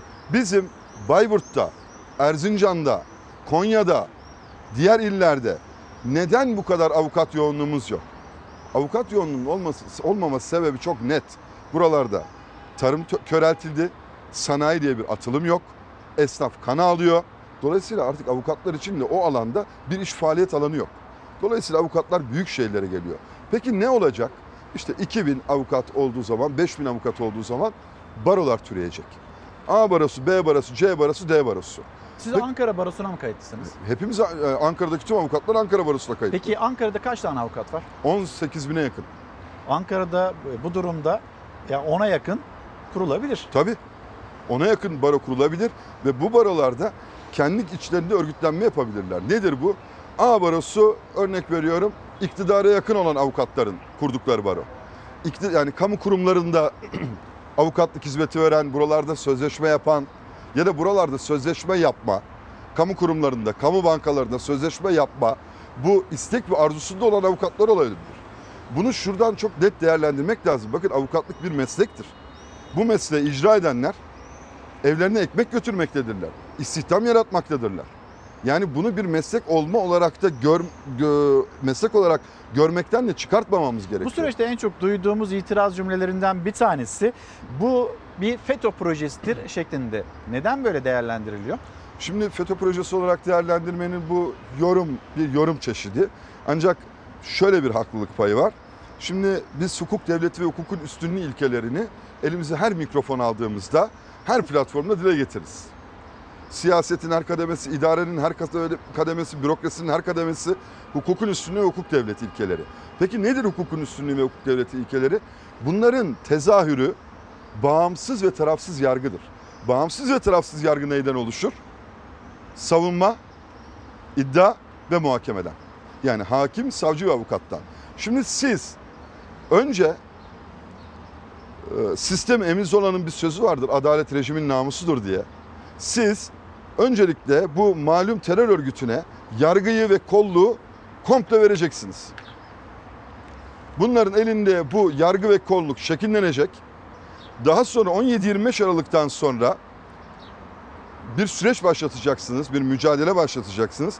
Mücadeleden sonra hibrit, melez bir yapı oluşacak. 15 Temmuz'dan sonra irtibat ve iltisak iddialarıyla bir tasfiye oluşturacaksınız. İrtibat ve iltisak iddialarıyla ki bu iddialar bakın irtibat ve iltisak kelimeleri polisiyet e, terimlerdir. Hukuksal terimler değildir. Ama bugün mevcut iktidar tarafından irtibat ve iltisak terimleri kanunlarımızda birer hukuki terim haline almaya başladı. Daha sonra hakim savcı alımı yapacaksınız. Avukatlıktan, yeni mezunlardan hakim savcı alımı. Bu mülakatların hepsinde hakim savcı kurulu bu mülakatları oluştururken kamera kaydı yok. Ses kaydı yok. Kişinin neye göre elendiği, neye göre seçildiği belli değil. Belli kriterler var. Bu kriterler kime göre, hangi gruba, zümreye göre organize edildi, neye göre değerlendiriliyor bunlar belli değil. E ne yaptınız o zaman siz? Yargıda kariyer oluşturabilmeniz için, terfi edebilmeniz için, yargıda bir takım e, avantajlı makamlarda olabilmeniz için siyasi iktidarın yönetim biçimine uyumlu olmanız gerekmeye başladı. Bakın bu bir ayak tamamlanmaya Dün başladı. ilginç bir e, tablo vardı. Gazetelere de bugün yansımış. Az önce de haberimizde de paylaştık. Evet, Meclisin Çankaya kapısında bekleyen baro başkanları bir düğme bir de e, iğne iplik gönderdiler Evet. komisyona. Niçin böyle bir protesto oldu bunu bir sorayım. Aynı zamanda genel kurul aşaması nasıl geçecek? Valla genel kurul aşamasında da ben genel kurul aşamasından e, başlayayım isterseniz. Genel kurul aşaması son derece çetin geçeceğe benziyor. Çünkü e, İyi Parti olarak bu konuyla ilgili tavrımız çok net. Bunun bütün simülasyonlarını oluşturduk. Neler olabileceğini de tek tek biliyor ve bunu e, iktidar ve ortağına çok net bir şekilde anlatmayı e, kendimize görev edindik. Burada düğme ve e, iğne iplik ise avukatlık cübbelerinin düğmesi yoktur. Yani bu ceketimiz gibi ilikleyebileceğimiz bir düğmesi yoktur ve cebi yoktur avukatlık cübbelerinin. Bu mesleğin bir sembolüdür. Avukatlar kimsenin önünde önlerini iliklemezler sembolüdür. Ama bugün bu çoklu vara sistemiyle ve bunu bir geçim derdi haline getirecek meslektaşlarımla avukatlar farklı farklı barolarla iktidar ya da iktidarın eee, hakimiyet alanının yüksek olduğu alanlarda para kazanma ihtiyacı duyacaklardır. E bunu en basitinden seyircilerimize şöyle özetleyelim. Bugün benim için bir hukuki meselem varsa Türkiye'de ben hukuki yardım istemiyorum. Beni kurtarmasını istiyorum avukattan. Hukuki yardım istemiyorum. Beni kurtar diyorum. Beni kurtar diye gideceğim avukat kim olmalı? Yani o avukatın sosyal hayatında, siyasi hayatında da siyasi tercihlerine göre pozisyonlandığını da kabul ettiğimizde müvekkil potansiyeli yani vatandaş burada hükümete yakın olan baroya gitmeyi tercih edecek. Dolayısıyla burada bizlerin 4 yıl fakültede, daha sonra akademik kariyerinde, daha sonra meslekteki tecrübelerimiz ya da mesleki birikimimiz değil, siyasi görüşümüz ve hangi baroya aidiyetimiz üzerinden bir portföy oluşmaya başlayacak. Türkiye Barolar Birliği Başkanı ben de çoklu baroya karşıyım dedi. E, bu süreçte bir temas oldu mu avukatlar ya da yeni bir açıklaması var mı Metin Feyzoğlu'nun? Şimdi Metin Fevzioğlu sanıyorum bu sürece ilişkin e, o baro başkanlarının da bulunduğu alana gittiğinde baro başkanları tarafından protesto edildi. Evet. Baro başkanları sırtını dönerek. Çünkü Metin Fevzioğlu baro başkanları Ankara'ya yürürken kendisi baro başkanlarıyla birlikte onları karşılamak yerine Anıtkabir'de olmayı tercih etti. Sürecin her aşamasında da evet bu konu mecliste tartışılmalı dedi. E, buyurun Adalet Komisyonu'nda neredesiniz Sayın Fevzioğlu? Yani eylemlerimizin ve söylemlerimizin bir olması lazım. Hele o makamları işgal ediyorsak. Adalet Komisyonu süresince baro başkanları kendileriyle ilgili, meslektaşlarıyla ilgili, meslekleriyle ilgili, hatta ekmekleriyle ilgili bir konuda meclis kapısının önünde barikatlarla kendilerine hediye edilen bir tane bankla beklerken geceler boyu Sayın Fevzioğlu bunu Adalet Komisyonu'nda şimdi bekliyoruz genel kurulda. Genel kurula gelip de konuşma yetkisi var mıdır Barolar Birliği Başkanı'nın? Meclis iş tüzüğünde böyle bir alışkanlık var mıdır? Yoktur. O zaman orada yapmış olduğu beyanları da hayata geçirme fırsatı bitmiştir. Ve kendisi burada bu konunun benimle alakası yok. Barolar Birliği Başkanı söylüyor bunu. Benimle alakası yok diyor. Yani Barolar Birliği Başkanı, Kasaplar Odası Başkanı değil, Kuaförler Odası Başkanı değil. Barolar Birliği Başkanı. Barolarla ilgili bir kanun değişikliği. Bütün baro başkanları orada hem polis barikatının altında hem 35 derece sıcağın altında gece yağmurun altında ama Barolar Birliği Başkanı bu konu şu an burada konuşulacak konu değil dedi. Şimdi bu konuyu kapatıp başka konulara da geçeceğiz. Aslında ekonomiyi de konuşmak istiyoruz. Vatandaş nezdinde bu konu biraz daha böyle Türkiye'nin gündemi içinde yan gündem gibi görülüyor ama önemli bir konu. Siyasetin konuştuğu, avukatların da sakıncalar yaratabileceğini söylediği bir konu. Çoklu baro sistemi. Bu konuyla ilgili son cümleleriniz nedir? Çoklu baro ile ilgili. Şimdi vatandaşımızın, milletimizin içinde bulunduğu, esnafımızın, işçimizin, memurumuzun içinde bulunduğu bu ekonomik kırılganlığı, ekonomik krizi görüyor biliyoruz. Ancak şundan emin olsunlar. Bugün her ne kadar tüm anketlerde ekonomi ve işsizlik birinci sırada çıkıyorsa da, adalet ve demokrasi ve hukuk 6. 7. sırada çıkıyorsa da şunu vatandaşımızın çok iyi bilmesi lazım. Bir ülkede rekabeti, ticaretteki rekabeti, vatandaşın devlete karşı olan mağduriyetini, insanların ekonomik özgürlüğünü dizayn edecek olan, bunu sağlayacak olan hukuktur. Siz hukuku parçalar, böler, kamplaştırırsanız, sosyal medyadaki trolleriniz gibi kamplaştırırsanız hukuku ve hukukçuları asla bu ülkede ekonomik istikrar, ekonomik büyüme ve ekonomik kalkınma oluşmayacak. Bu çok net. Hukuku tesis etmediğiniz hiçbir yerde ekonomiye ve işsizliğe bir çözüm bulamayacaksınız. Yani bunu hamaseten söylemiyorum. Hamaseten söylemiyorum. Çok basit bir örnek vermek istiyorum. İhaleye gireceksiniz ya herhangi bir ihaleye. Yani bütün vatandaşlarımız bir şekilde bu ülkedeki 18-20 yıldır bütün parsayı götüren 15-20 müteahhitin alt taşeronluğunu yapıyoruz. Ülke olarak 10 tane müteahhit var ülkede. Herkes onun alt taşeronu. Bizler de onların alt taşeronlarına avukatlık hizmeti verdik. Onların alt taşeronunun ya da onların kuru temizlemeye giden ceketlerini kuru temizlemecilerimiz temizliyor. Onlara iş yapan alt taşeronların e, tedarikini esnafımız veriyor. Bunu unutmayın. İnsanlar rekabet edemiyorlar. Hak edişleri yok, iş bitirmeleri yok. Bununla ilgili sağlıklı ve sağlam bir e, şeyleri, sicilleri yok vatandaşın. Hiç kimsenin ekonomik hayatta şu an bir dükkan kurdum, bir işletme kurdum, vira bismillah deyip çıktığında hayatta kalabilme ve tutunabilme şansı yok vatandaşın. Şimdi o zaman e, hukukçu olarak sorduğum soruların yanında bir de siyasetçi olarak bir soru sorayım. Siz böyle bir tablo çiziyorsunuz ama Cumhurbaşkanı Erdoğan da diyor ki Türkiye büyük bir sıçramanın eşiğinde. Haberimizi paylaşalım öyle konuşalım.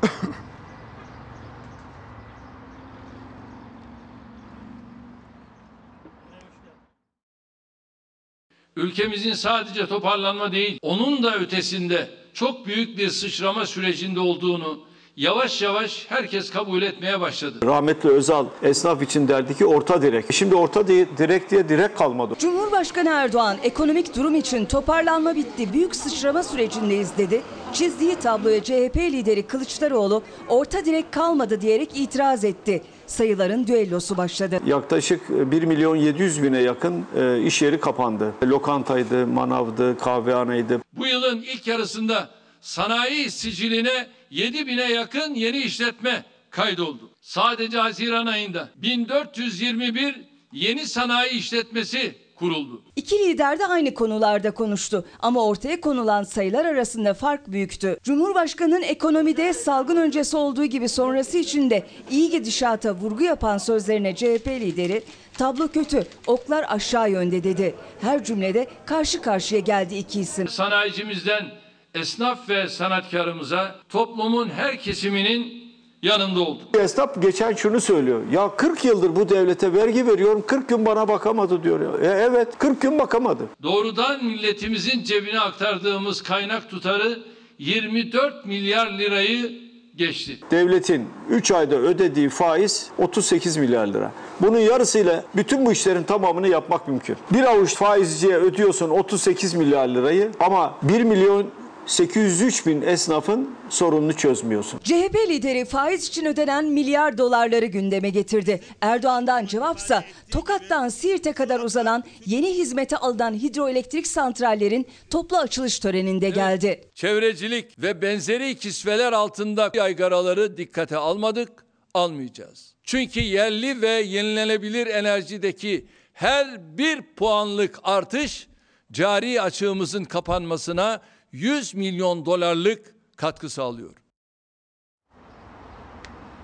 Cumhuriyet Gazetesi, Cumhuriyet Gazetesi'nin manşet haberinde okuyalım. Öyle devam edelim. Size sormak istiyorum yani hani siyasetçi olarak siz tabloyu nasıl görüyorsunuz ekonomi tablosunu? Onu bir soralım. Bir de FETÖ borsası ağı. Cumhuriyet Gazetesi'nin manşeti. Savcılığın ardından varlıklı şüphelileri kurtarma çetesinin MİT, polis, avukat ayağına da dava açıldı. İstanbul Adliyesi'ni sarsan FETÖ borsası soruşturmasında şüphelilere ulaşarak soruşturmalarda takipsizlik ve mallara el koyma kararının kaldırılması vaadiyle yüklü miktarlarda para toplayan suç örgütü hakkındaki iddianame tamamlandı. Ahmet Kağan'ın örgüt lideri olduğu iki polis, bir MİT çalışanı, bir Maliye Bakanlığı gelir uzmanının şüphelilerin bilgisini topladığı da anlatıldı. Cumhuriyet Gazetesi'nin manşeti bu şekilde. Bununla başlayalım mı? FETÖ Tabii. borsası AK Parti içinden bir isim Şamil Tayyar bunu dillendirmişti. Gaziantep için söylemişti ama sonrasında Türkiye'nin başka başka illerinde de benzer bir tab- tablonun olduğu ortaya çıktı mı diyeyim. Bu iddialar dillendirildi mi diyeyim. Şamil Tayyar da bunu sürekli gündemde tutan isimlerden bir tanesiydi AK Parti cephesinde. Şimdi tabii haberde bir eksiklik var. Bir örgüt daha e, operasyon e, yaşadı olmalıydı o. Bir örgüt daha. Dolayısıyla bu illere göre değişiyor. Bu sürece ilişkin e, şehir efsaneleri hepimiz duyuyoruz, biliyoruz. Ama bu şehir efsanelerine ilişkin hem mesleki hem siyasi tecrübelerimiz bu şehir efsanelerinin efsane olmaktan öteye geçtiğini. Biraz önce de bahsettiğim bu özellikle 17-25 Aralık'tan sonraki o yapılanma, oradaki hibrit yapılanma melez, 15 Temmuz'dan sonra içimizdeki kriptoları gönderdik, bulduk, tespit ettik. Et, kriptoları tespit ettiğinizde yani daha önce askeri vesayet için e, FETÖ vesayetinin altına girdiniz. Şimdi FETÖ vesayetini bypass etmek için e, kolluk vesayeti altına girdiniz. 15 Temmuz'dan sonra da o halden sonra başlayan ve organize edilen bir yargı vesayeti oluştu. Bu yargı vesayeti nasıl oluştu? Kararlar tutarsız. Bir ilin kararıyla diğer ilin kararı birbirini tutmuyor. E, bunun muhakkak bir altında yatan gerekçe olması lazım. Bu gerekçe ya kolluktan kaynaklanacak ya yargıdan kaynaklanacak. Bunu bütün yargı mensuplarına ve bütün kolluk, kolluk mensuplarına hasretmiyorum. Ama sonuç olarak siyasette irtibat ve iltisak ortaya koymadığınız sürece siyasette irtibat ve iltisak ortaya koymadığınız sürece kamu görevlisindeki irtibat ve iltisakın hiçbir anlamı yoktur. Çünkü kamu görevlisi dün de bugün de ve bu sistem böyle devam ettiğinde uçacağız kaçacağız denilen bu sistem böyle devam ettiğinde kamu görevlisinin irtibat ve iltisakı daima siyasetle olacak. Kamu görevlisinin irtibat ve iltisakı siyasetle olduğu sürece kamu görevlisinin terfi, tayin ve özlük haklarına ilişkin elde edebileceği avantajlar ve kariyerler siyasetin iradesi altında olduğu sürece irtibat ve iltisakın kaynağını da siyasette bulmadığınız sürece her türlü yapıyla dün FETÖ'ydü bugün başka bir şey olabilir. Yarın bambaşka bir şey olabilir. Bu keskin hattı çizmediğiniz sürece bu ve benzeri haberler her hafta, her ay gündemimizde olacak. Peki hızlıca geçeyim. Sosyal medya düzenlemesi. Bu da e, henüz ortada bir metin yok. Bir metin olmadığı için hukukçu olarak konuşamam. Doğru değil. Ancak e, özellikle Z kuşağına ilişkin e, ki onlara korkunç bir hayranlığım var. Bu Z kuşağının alfabenin son harfi ama onlar e, ilk taşı atanlar. Çünkü günahsız olanlar onlar. Özellikle e, Sayın Cumhurbaşkanı'nın YKS'ye ilişkin kısmen günah çıkartma, kısmen konuyu legalize etme çabasını oluşturdukları dislike'la e, çok büyük bir farkındalık yarattılar. Yani sosyal medyanın nasıl bir güç olduğunu, bu gücü e, çok zekice bir kampanyaya bu kuşağın nasıl evirebildiğini hepimiz gördük. Bakın inanın ne Türkiye'de ne dünyada hiçbir muhalefet iktidarı bu kadar ablukaya alabilecek bir kampanya imza atmamıştı. Bunu sadece ve sadece o evden çıkış saatine karar vermek durumunda olduğumuz, evden şu saatte geleceksin çıkmayacaksın dediğimiz, 120 gün pandemide evde olağan şüpheli muamelesi yaptığımız Z kuşağının zekasının ürünüdür. Bugün Cumhuriyet Gazetesi'nde İpek Özbey'in bir röportajı var. 20 yıldır kuşak araştırmaları yapan Evrim Kur'an Z kuşağını anlatmış İpek Özbey'e. Öyle direnecekler ki demekle başlıkta siyasetin gözü 2023'te yapılacak seçimlerde oy kullanacak 6,5 milyonluk Z kuşağında Evrim Kur'an öyle bir direnecekler ki eski kuşaklar direndiklerini bile anlayamayacak dediği gençlerle ilgili siyasetçilere tüyo veriyor. Davanızı bir cümleyle açıklayın, az konuşun, üstenci dili bırakın, sempatik olmak için şaka yapmaya çalışmayın. Gençlik kolu gibi kuruluşlarınızdan vazgeçin, onları süs olsun diye oturtmayın. otonomi verin demekte bir e, araştırmacı. Evrim Kur'an'ın değerlendirmesi bu şekilde ve son sorumuz da ekonomi olsun. Ekonomi aslında bütün bunların yani gerek barolarla ilgili yasanın, gerek YKS'nin ısrarla e, öne çekilmesinin, gerek sosyal medyanın, gerekse Ayasofya'nın bu sürece ilişkin bütün bunların ana sebebi aslında ekonomi. Bunu gölgeleyecek, bunu kapatabilecek bütün hamleler, duygularımız Ayasofya'ya ilişkin bu topraklarda yaşayan herkesin duygusu aynıdır. Hiç bundan hiç kimsenin şüphesi olmasın. Bu duygumuz varken sen ekonomide benim akşam eve ne götürebileceğim, eve ne alabileceğim, kredi kartını nasıl ödeyebileceğimi e, çözümlemeden Ayasofya'da Ayasofya sürecini ortaya koyman bugün e, mahkemelerin harcını ödeyemezken insanlar alacaklarıyla ilgili icra takibinin harcını ödeyemezken baroları çoklu baroya çevirmen gençler pandemi altında 120 gündür eziyet çekerken bu gençleri apar topar 2.6 milyon insanı pandemi altında e, ders sınıflıklara sokmak, dersliklere sokmak ama 68 tane baro başkanına pandemi sebebiyle yürüyüş izni vermemektir. Ekonomi bunların hepsidir. Yoksa elinizdeki, cebinizdeki ya da yastık altınızdaki rakamlarla alakalı değildir. Yani burada pandemi sürecinde 2 ay, 3 ay boyunca her hafta sonu vatandaş bir, ay, bir aylık gıda masrafı kadar masrafı yapmak zorunda kaldı her hafta sonu. Kredi kartıyla. Bu kredi kartlarının ekstreleri gelecek Temmuz ayında. Siz bu uçuyoruz, kaçıyoruz ekonomiden sonra, başkanlık sisteminden sonra ekonomide hiçbir sorun olmayacak derken şu an vatandaş kredi kartının artık asgarisini de ödeyemiyor. Açmış olduğunuz ucuz kredilerle, konut kredileriyle, araba kredileriyle vatandaşı elinde bir miktar parası olan ya da bir miktar sabit gelir olan vatandaşı da borçlandırarak iktidara ve sözde istikrara mecbur bırakmaktan başka bir ekonomi politikaları yok. Bunu hepimiz yaşıyoruz biliyoruz. Vatandaşın aklıyla hadi siyasette denkler arası eşitler arası bir ilişki var. Bizim aklımıza dalga geçiyorlar. Ama inanın vatandaşın aklına dalga geçmenin bedeli çok ağır olur.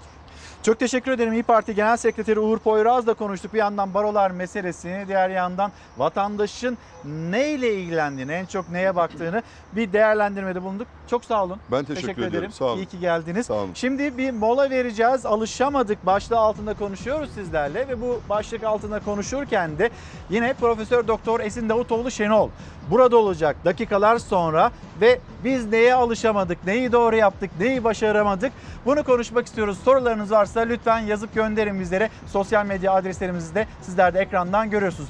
Bir mola dönüşte buluşalım. Efendim bir kez daha günaydın. Çalar Saat devam ediyor. Savaş Ekşioğlu hani bugün alışamadık diyoruz ya bu başlık altında konuşuyoruz.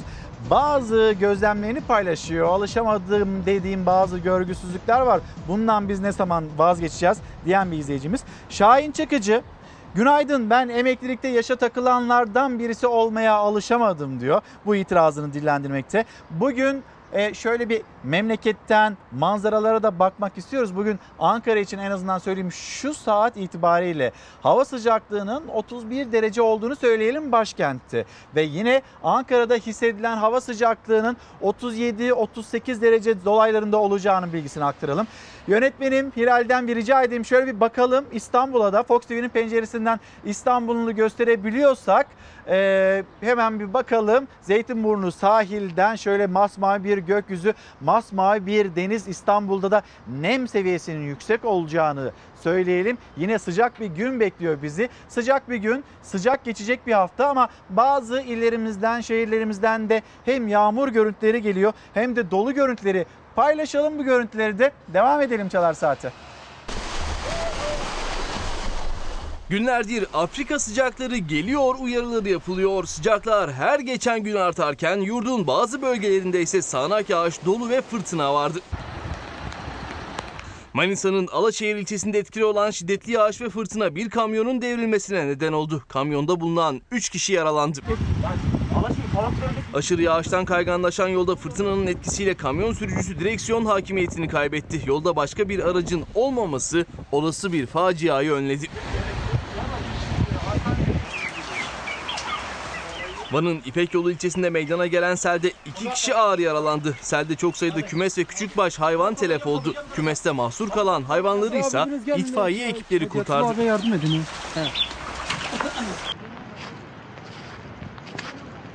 Çatak ilçesinde ise yağmur Van Çatak yolunu trafiğe kapattı. Bazı vatandaşlar araçlarıyla yolda mahsur kaldı. İlçe merkezinde ise Sorkin ve Norduz çaylarının birleştiği yerde biriken sel sularında vatandaşlar elleriyle alabalık yakaladı. Hakkari Çukurca karayolunda aniden bastıran yağmur sele neden oldu. Dağlardan inen toprak ve çamur sürücülere zor anlar yaşattı. Ardahan'da şiddetli yağmur yerini doluya bıraktı.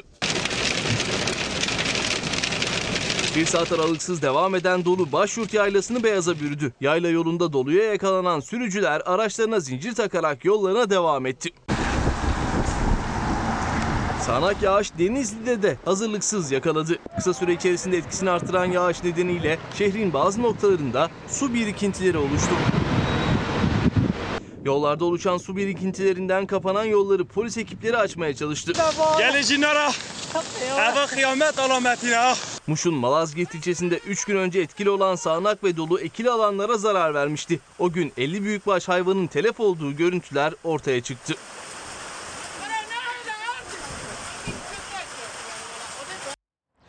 Profesör Doktor Esin Davutoğlu Şenol misafirimiz geldi. Az sonra kendisiyle konuşacağız. Siyasetin polemik konularından bir tanesi Cumhurbaşkanı Erdoğan'ın kurduğu bir cümle ve o cümlenin içinde sembolik de olsa bayan ve iki tane ifadesi ve kadın vekillerin tepkisi. de olsa bayan milletvekillerimizden hiç olmazsa iki tanesini alalım. Ne kadar gizlemeye çalışırlarsa çalışsınlar, söylemleri farklı da olsa zihin çoğu zaman dile vurabiliyor. Bir cumhuriyet kadını olarak kabul etmem mümkün değil. Sembolik tane bayan. Cumhurbaşkanı Erdoğan AK Partili kadın milletvekillerini bir açılışta sahneye davet ederken kullandı bu tanımlamaları. Tepki gecikmedi. İki tane geliyor. İki tane geliyor. İki kadın milletvekilinden, iki kişiden iki tane olarak bahsedilmesinde açıkçası yadırgadım. AK Parti zihniyetinin en üst makamdan itirafıdır. Demokrasiyi araç olarak görenlerin kadınlara verdikleri değer elbette sembolik, göstermeliktir. Ayrıca hatırlatayım insanlar tane ile ifade edilmez. Kartal Lütfi Kırdar şehir hastanelerinin açılış töreninde kurdele kesimi için başta Cumhurbaşkanı Erdoğan sahneye çıkan isimlerin önce hepsi erkekti. Cumhurbaşkanı bu görüntü sonrası mikrofonu aldı ve tartışma yaratan o çağrıyı yaptı. Sembolik de olsa bayan milletvekillerimizden hiç olmazsa iki tanesini alalım. 18 yıllık süreçte kadının Cumhuriyet tarihinde en fazla değersizleştirildiği ve kadına şiddetin en yüksek rakamlara çıktığı bir süreç olmuştur. Ravza Hanım nerede? Sayın Cumhurbaşkanımızın dün gösterdikleri incelikten dolayı bir kadın olarak müteşekkirim. Kadınların eksik olmasını istemedi. Sembolik de olsa iki kadın gelsin diye aslında kadına verdiği, kadına gösterdikleri değeri ortaya koyuyorlar. Sadece erkeklerden müteşekkil bir grubun sahnede bulunmasından rahatsız olan Sayın Cumhurbaşkanımız bu erkek egemen görüntüyü düzeltmek adına iki kadın vekili daha sahneye davet etmek istedi. Tepkilere cevap Cumhurbaşkanı'nın sahneye çağırdığı AK Partili kadın milletvekillerinden övgü dolu bu sözlerle geldi. CHP'li kadın vekiller de 15 gün önce AK Parti Grup Başkan Vekili Özlem Zengin'in AK Parti ve kadınlar hakkındaki sözlerini hatırlattı. Bu ülkede AK Parti gelene kadar kadın kelimesinin adı yoktu ya. AKP'den önce kadının adı yoktu diyenler AKP iktidarları döneminde aslında kadın gerçekten sembolik olmaktan öte gidemedi. Çünkü 17 bakandan sadece ikisi kadın, 81 il valisinden yine sadece ikisi kadın. Eğer Türkçe'de kelimelerin dişili erili olsaydı AK Parti dişil bir kelime olurdu. Bir kadın kelimesi olurdu. Kadın. Kadın tartışması iktidar muhalefet hattının sıcak gündemi. Efendim Esin Davutoğlu Şenol zaten hani bu ekranda bolca gördünüz kendisini. Görüşlerine, düşüncelerine çok önem verdiğimiz ama aynı zamanda kendisi e, dünyadaki gelişmeleri de çok yakından takip ediyor. Bir okullar meselesi var. Bu okullar meselesine bir İsrail örneği üzerinden bakacağız. Hocam günaydın. Günaydın. Hoş geldiniz. Hoş bulduk. Şimdi bugün başlığımız alışamadık. Bu başlık altında konuşacağız izleyicilerimizle. Evet. Ben size de sorayım neye alışamadık? Virüsün hayatımıza getirdiği riske alışamadık. Alışamadık. evet. Neyi doğru yapıyoruz? Neyi yanlış yapıyoruz? Pek çok şeyi yanlış yapıyoruz aslında. Her şeyin eskisi gibi olacağını düşünüyoruz. Ben ona normal demiyorum. Çünkü normal tırnak içinde yani hayatın getirdiklerine adapte olmak normal aslında bizim için bu. İlle geçen Haziran'daki gibi olacağız demek, ille geçen Temmuz'daki gibi olacağız demek bunu bir kere kavramsal olarak çok yanlış yapıyoruz. Ee, bunun dışında... E bunu e, duyduk ama yani Evet, evet. yetkililerden duyduk, bilim insanlarından duyduk. Haziran'da o vaka sayısı, Evet. Temmuz'un ikinci yarısını geçtiğimizde e, iki haneli rakamlar. E şimdi bu cümleleri duyunca e, vatandaşlar da e, gidiyor galiba. Yaz aylarında da böyle bir virüsün yaygınlığı çok da olmuyor e, demeye başladı galiba. Ama virüs en yaygın günlerini yaşıyor biliyorsunuz. Dünya Sağlık Örgütü Başkanı'nın geçen hafta düştüğü notu ben çok sosyal medyada bile paylaşmadım. Çünkü gerçekten çok vahim bir nottu. Dünya yeni ve tehlikeli bir faza giriyor dedi. Güney Afrika'yı görüyorsunuz, Hindistan'ı görüyorsunuz, Güney Amerika'yı görüyorsunuz. Virüs biz bir şey yapmaz isek hiçbir yere gitmiyor. Biz sadece bir şey yaptığımız zaman o da bu işte sosyal mesafeyi açtığımız zaman bireysel ya da toplumsal ya da ülkesel bunu yaptığımız zaman biz sakinleştirip ya- yavaşlatabiliyoruz. Ee, bunu algılamakta herhalde güçlük çekiyor insanlar. Hem çok kuşku duyuyorlar, hem çok ürküyorlar, hem de bu ürküntüyü unutup sokakta hiçbir şey yokmuş gibi yapmaya çalışıyorlar. Tabii ki zorunlu yapanları bunun dışında tutuyorum. Ee, ama hayatımızda önemli mi o kalabalıkta bulunmak sorusunun cevabı zorunlu ya da önemli değil ise bulunmamak zorundayız. Şimdi tabloya beraber bir bakalım Tabii. mı hocam? Ee, Sağlık Bakanı Fahrettin Koca, Fahrettin Koca'nın dün yapmış olduğu değerlendirme. Bu arada hani alışamadık başlığı altında konuşuyoruz. Ben de hemen e, aldım yanıma mesajlarınıza bakabilmek için cihazım yanımda. Son 3 günde ortalama vaka sayısının en çok arttığı iller İstanbul, Ankara, Gaziantep, Mardin, Konya, Bursa. Diyarbakır.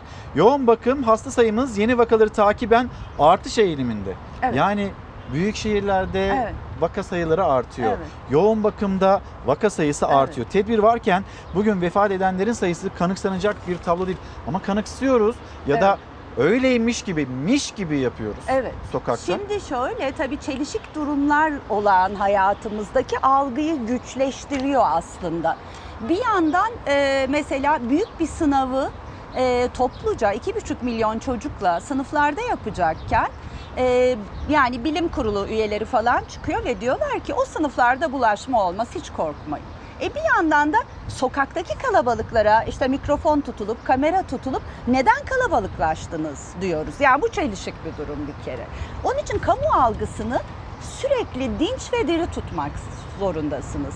Yani halk paniğe sevk olmaz. Artık halkın paniğe sevk olacak bir durumu yok. Biz halkın dikkatini, bilmeyenlerin dikkatini sürekli konunun üzerinde tutup salgının henüz ortasındayken, dünya olarak da böyleyken salgın algısını yüksek alarm düzeyinde tutmamız lazım. Evet biraz panik sınırında gitmemiz lazım. Biraz korku sınırında gitmemiz lazım. Yoksa bunu böyle üç boyutlu algılamak, virolog değilseniz, infeksiyoncu değilseniz, epidemiyolog değilseniz ki bir salgın geçirmemişseniz biliyorsunuz bu yüzyılda herkesin göze, gözlemlediği ilk salgın bu. Dolayısıyla böyle bir şey de olmadığı için algıda kusurlar var. Bunun ülkesel özellikleri de var. Bunun insani boyutları da var ama çünkü yorulundu ve akıl sağlığı tehlikeye girmek üzere. Dolayısıyla çelişkilerden uzak durup hep aynı mesajları net bir şekilde vermemiz gerekiyor. Virüs hala çok yayılıyor. Şimdi yeni bir durumla karşı karşıyayız. Okullar açılacak. Velilerimizden çokça mesaj geliyor. E ben okulumu çocuğa e, çocuğumu okula göndereceksem e nasıl göndereceğim? Çocuğum bir metrelik mesafeyi nasıl sağlayacak? 4 metrekarelik alanda nasıl bir kişi olacak öğretmen, öğrenci? Yani bunun kaygılarını da yaşayan pek çok kişi var ve bununla ilgili sorular da geliyor. Bir paylaşalım haberimizi. Tabii, tabii. E, eğitim hani Evet. 31 Ağustos tarihi itibariyle okullar açılacak ama okullar nasıl açılacak? Çocuklar kendisini nasıl koruyacak? Bununla ilgili haberimiz. öğrenciler arasında 4 metrekareye bir öğrenci diyor. Şu anki öğrenci sayısı ve sınıfların metrekare hesabına baktığımızda bunun uygulanması mümkün değil. Sınıflarda 4 metrekareye bir öğrenci ya da görevli düşecek, öğretmenle öğrenciler arasında en az 1 metrelik mesafe çapraz oturma düzeniyle sağlanacak. Sağlık Bakanlığı okullarda zorunlu olacak düzenlemeleri açıkladı ama eğitim sendikaları uygulanamaz önlemler diyerek bayrak açtı. Öğrencilerin bir kısmını buna uydurduk. Peki ders verecek olan öğretmenleri nasıl uyduracaksınız? Şu anki var olan 1 milyon öğretmenin iki katına çıkması anlamına geliyor. 5 aylık aranın ardından maskeli ve mesafeli eğitim ve öğretimin ilk ders zili özel okullarda Ağustos'un 15'inde devlet okullarında 31 Ağustos'ta çalacak. Ana sınıfı ve 1. sınıfa başlayacak öğrenciler için de okullara ilk adımlar nasıl atılacak? Akıllarda birçok soru işareti varken Sağlık Bakanlığı'nın açıkladığı önlemler paketi akılları karıştırdı. En çok dikkat çeken şey velilere imzalatmak istedikleri taahhütname. Veliler otomatik olarak ürkecektir ve iki kere öksüren çocuğu için bile ha kesinlikle sıkıntı var diyecektir okula gitmesin. Okulların açılmasıyla velilere iki nüsha halinde özel olarak hazırlanmış bilgilendirme formu ve taahhütname imzalatılacak. Ama eğitim sendikası eğitim işe göre madalyonun diğer yüzü çok farklı. Yarın çocuğunuzda bir hastalık çıktığında e, taahhütname imzalamış göndermeseydi, dikkat etseydi diyerek herhangi bir okul idaresi, müdürü, müdür yardımcısı olası bir sorumluluğu üzerinden atmasının yol ve yöntemi. Peki çocuğunuz okulda kaptı. Milli Eğitim Bakanlığı bunu kabul ediyor mu? Edecek mi? Yani taahhütname tek taraflı olmaz. Peki bu sorumluluğu kim alacak? Bununla ilgili hiçbir yazı ya da önlem yok. Eğitim İş Sendikası Başkanı Orhan Yıldırım yalnızca taahhütname zorunluluğuna değil, okulların fiziki ve maddi imkanları önlemleri karşılamaya yetmez diyerek de itiraz etti. Çünkü ateşleri ölçülerek okullara alınacak öğrencilerin maske ve dezenfektan teminini de okulların sağlaması gerekiyor. İlköğretim ve liselerdeki öğrenci sayımız 18 milyon. 1 milyon öğretmen 19 milyon. Hiç değiştirmesin. Günlük 20 milyon maske değişikliğinden bahsediyoruz. Bunun bile şu anda sağlanabilirliği söz konusu olamaz. Dezenfektan kullanımından bahsetmiş. E, Birçok okulun bunu sağlama imkanı da söz konusu değil. Sınıf ve odalar pencereler açılarak düzenli şekilde havalandırılacak. Teneffüsler sınıflar sıraya konularak düzenlenecek. Veli ve öğretmen toplantıları mümkün oldukça video konferans yöntemiyle yapılacak. Yönetmelikte velilerin de okullara girmesi yasak. Zaten bu maddeler uygulandığı anda gerçekten de okula öğrencilerin yarısı gelmeyecektir.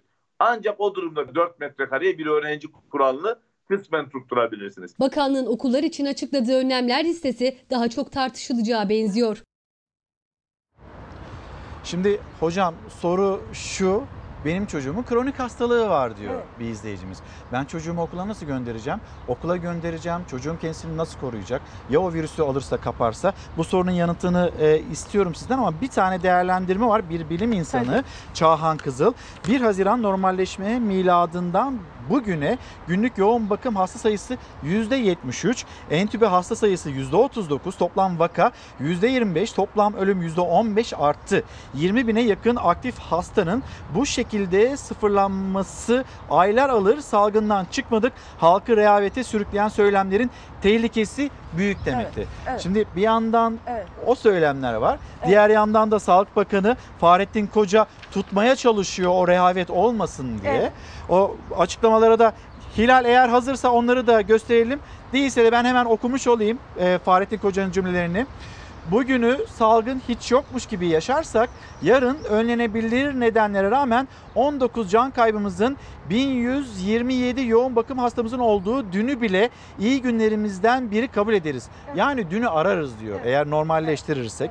Ve yine mesajımızın ulaştığı herkes bugün dışarıda maskesini takıyor. Mesafe kurallarına uymak için çaba gösteriyor mu? Salgına karşı kaç kişiyiz bir hesap yapmaya çalışıyor. Ne dersiniz? Şimdi tek bir önlem yetmez. Önce onu söyleyeyim. Maske tek başına yetmez. Maske hiç yoktan iyidir. Maske bir emniyet kemeridir. Ama nemlenirse, kötü kullanırsanız ve sosyal mesafe aşımı olan bir yerdeyseniz e, tek başına bir işe yaramaz. Öncelikle bunu tek bir koruyucuymuş gibi ele almaktan bir vazgeçip önlem paketi olarak düşünmeliyiz. İkincisi Dünya Sağlık Örgütü de Hastalık Kontrol Merkezi de yaşı artık risk olmaktan çıkardı. Dedi ki yaşın çok daha ötesinde bir risk var, hastalık olması. Deminki e, izleyici sorusunda bu gizli. Üçüncüsü okul açan başka örnekler var. İsrail'e dönüp bakalım. Güney Kore'ye dönüp bakalım. Bütün ok- İsrail'in de tablosu hazır bu arada hocam. isterseniz Onu da bakalım. izleyicilerimizle Evet, e, paylaşmış evet, olalım evet. Hilal'cim. Evet buyurun hocam. Şimdi orada ne oldu? İsrail birinci dalgayı bitirmeyi başaran nadir ülkelerden biriydi neredeyse. Ve son derece güvenli ve son derece yoğun e, temaslı takibi yaparak götürüyordu süreci. Okulları açı- açtıktan iki hafta sonra, bakın iki hafta sonra yansır zaten olup biter. İki hafta sonra okul kaynaklı kümeleşmeler halinde salgınlar başladı. O grafikte de ikinci pik okulların açılmasıyla ilgili. Ve açıldıktan 15 gün sonra bu rakamların düşmeye başlamasıyla birlikte sayısız okul öğrencisi ve öğretmenin karantina ve izolasyona alınma zorunluluğuyla birlikte kapatıldı. Şimdi hiçbir şey aslında biz hayatın renklerini kaybettik. Yani sadece siyah ve beyaz yaşıyoruz. Ama önlemler ve normalleşme siyah ve beyaz değil. Arada müthiş gri çizgiler var. Onun için de masaya modeller konulmalı. Her ülke kendisine göre model konulmalı. Kiminle birlikte? Ee, orada yani kusura bakmasınlar bu eleştiri için ama çok güzel rehberler yazdıklarını söyleyerek başlayayım. Rehberler yazıp her gün ekranlarda çelişkili raporlar, raporlar sunan ve insanların kafasını çokça karıştırdıklarını düşündürdüğüm bilim kurulu ile değil.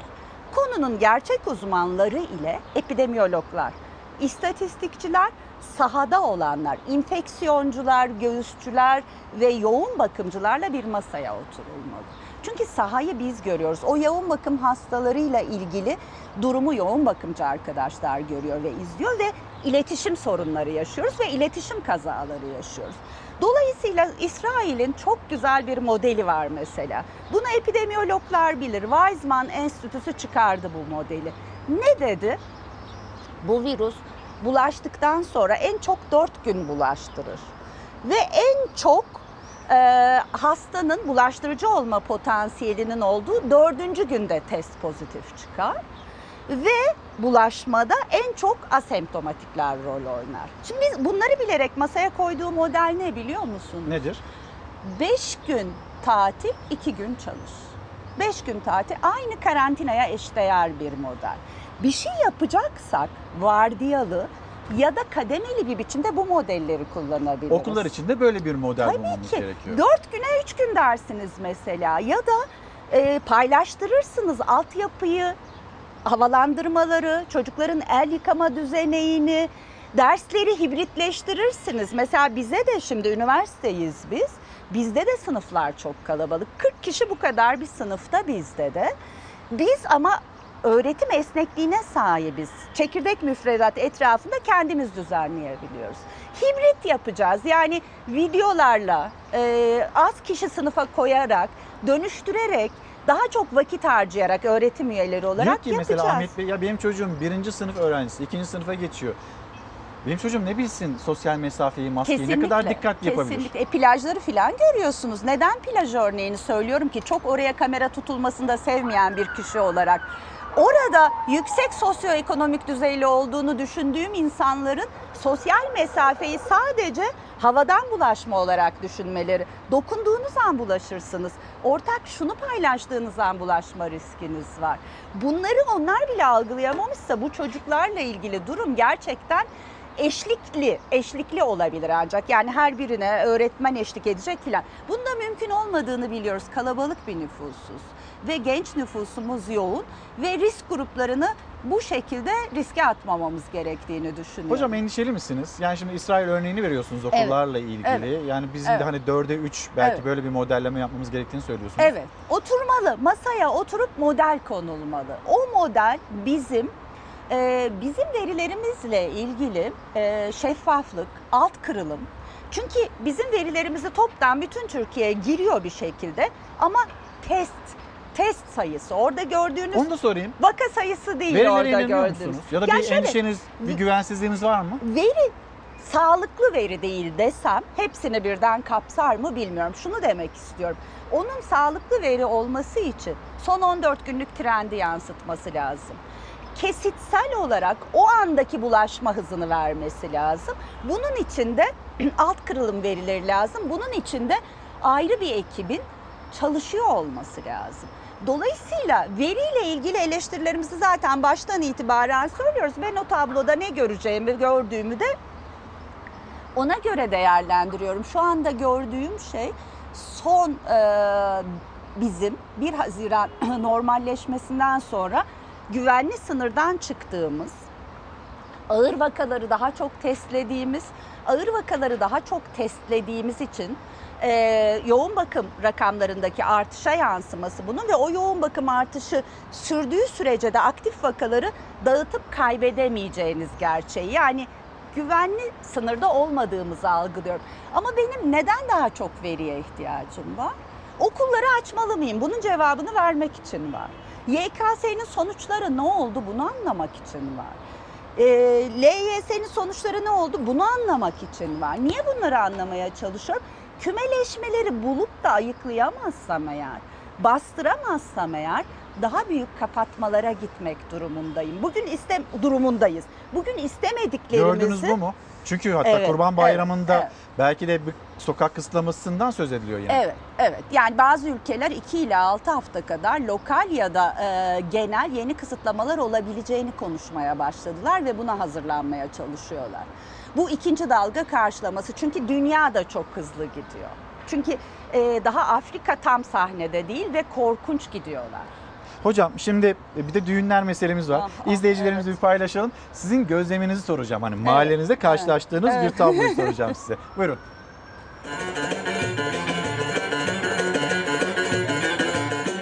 Gelin ve damatlığı takı töreni yasaklandı. Dünya evine giren bir çift kutu yerine takıları cansız mankenle topladı.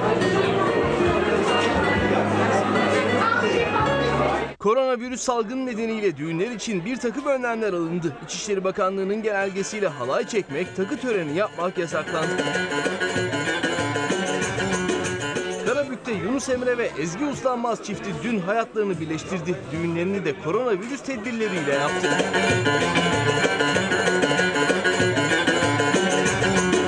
Düğünde bir gelin ve bir damat daha vardı. Ancak bir farkla. O gelin ve damat cansız mankendi. Evet, takım merasiminde gelin ve damada yaklaşmadan yanında duran beyefendi ve şu taraftaki hanımefendiye takıları takabiliriz.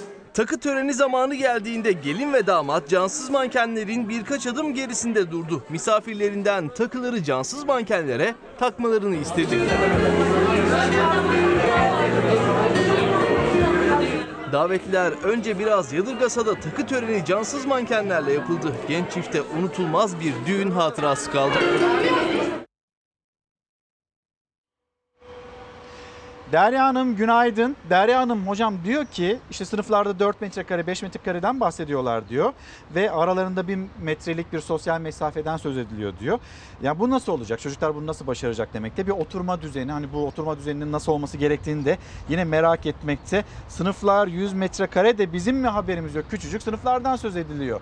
Bizde de öyle durum. Üniversitelerde de öyle. Bu kadar bir yerde 40 kişi ders yapmak durumunda kalıyoruz ve onlar da pek çok ilden gelecek. Yani tabii ki bu sürecin ertelenmesi gerektiğini düşünüyorum. Hem üniversiteler için hem ilkokullar için çok daha, ilk öğretim için çok daha güç bunları sağlamak. Şimdi bu çocuklarda büyük ölçüde belirtisiz geçip rakamlara ve sahneye yansımayacak tarafı var ama aslında bu çocuklardan risk grubu olanlar artık dünya verilerinden biliyoruz sıkıntıya girebilirler. Bu bir. Gereksiz hastane maruziyetleri falan olabilir. İkincisi evlerinde çünkü artık şunu biliyoruz biz. Bizim gibi rakamları bir inen bir çıkan güvenlik sınırını aşan ve altına inen küçük dalgalanmalar yaşayan e, henüz salgını kapatamamış ülkelerde en önemli bulaş ev içi ve toplu taşımada. İşte bizim o alt kırılım Hocam, verileri...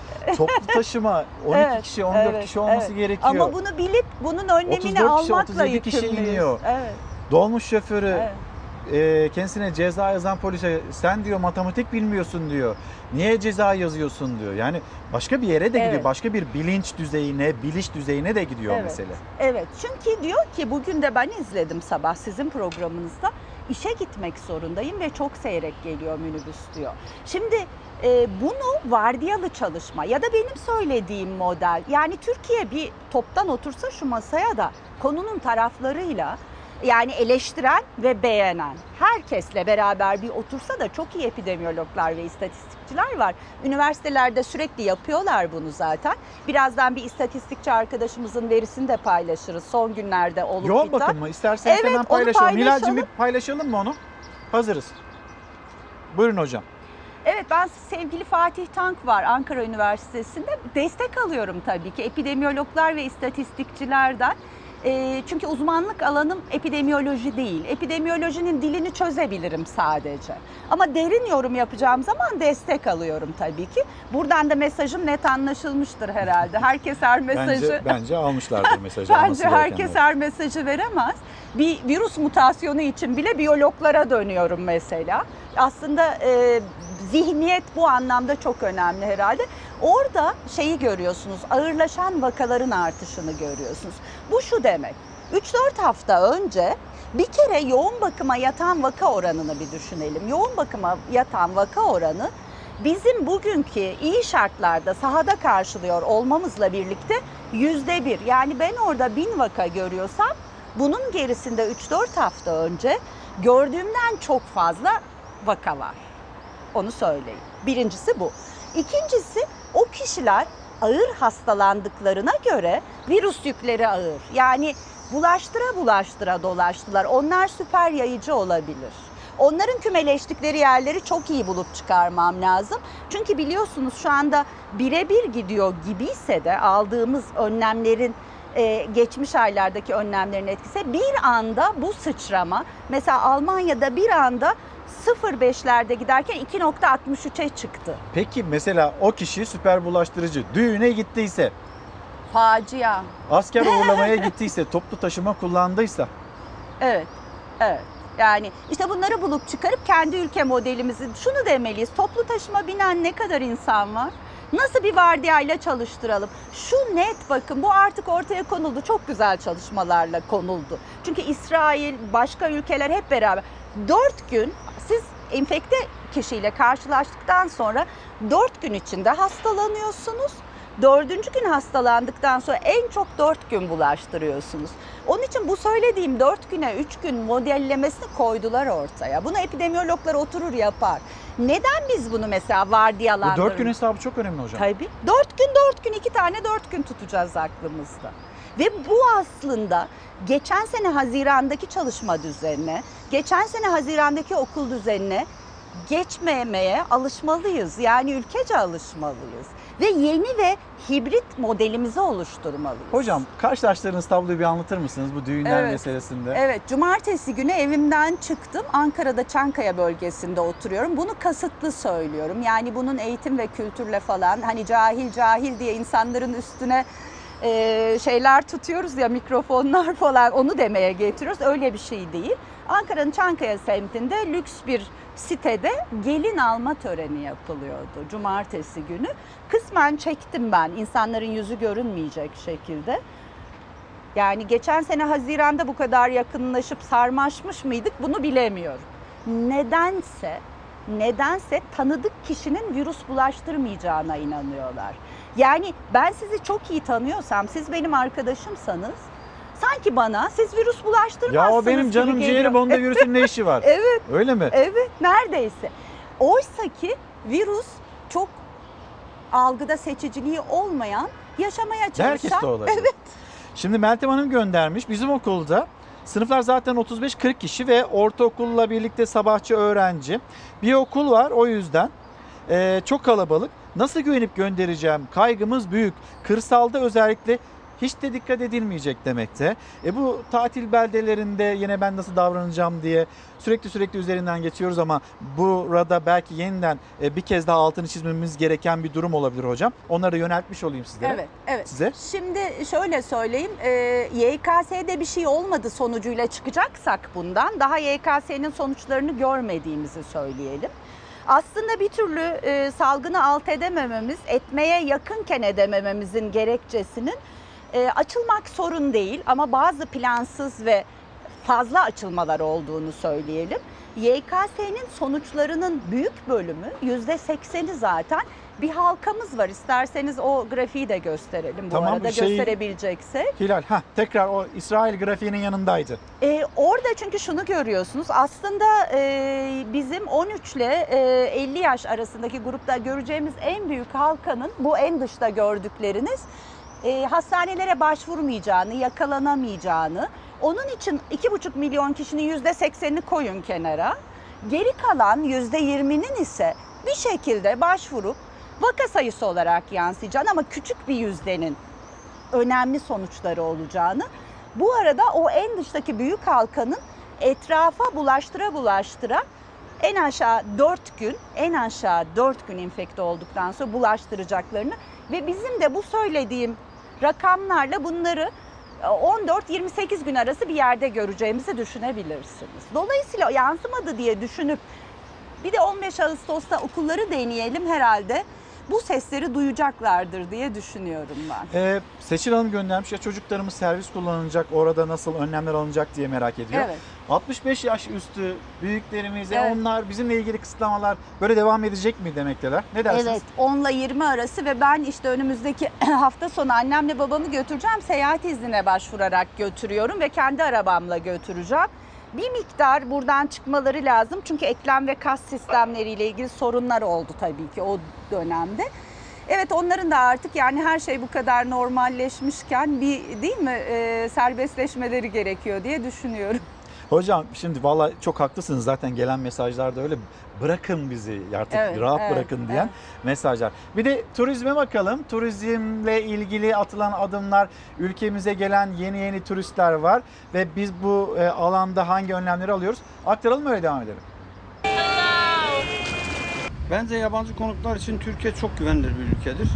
Çünkü sağlık açısından Türkiye'nin bu e, krizde başarı gösterdiğini gördük hepimiz. Başka ülkelere şartları iyi değil, e, iyi olmadığı halde CES yaparsanız ve şartları iyi olan Türkiye'yi de görmezden gelirseniz bu zaman o zaman sizin kendi vatandaşınız da kendi basınınız da doğal olarak isyan eder. Turistik seyahatler için Türkiye'ye erken cevabı veren Avrupa'ya böyle seslendi Dışişleri Bakanı Mevlüt Çavuşoğlu. Ukrayna ise Kiev'den 183 kişilik ilk turist kafilesini gönderdi.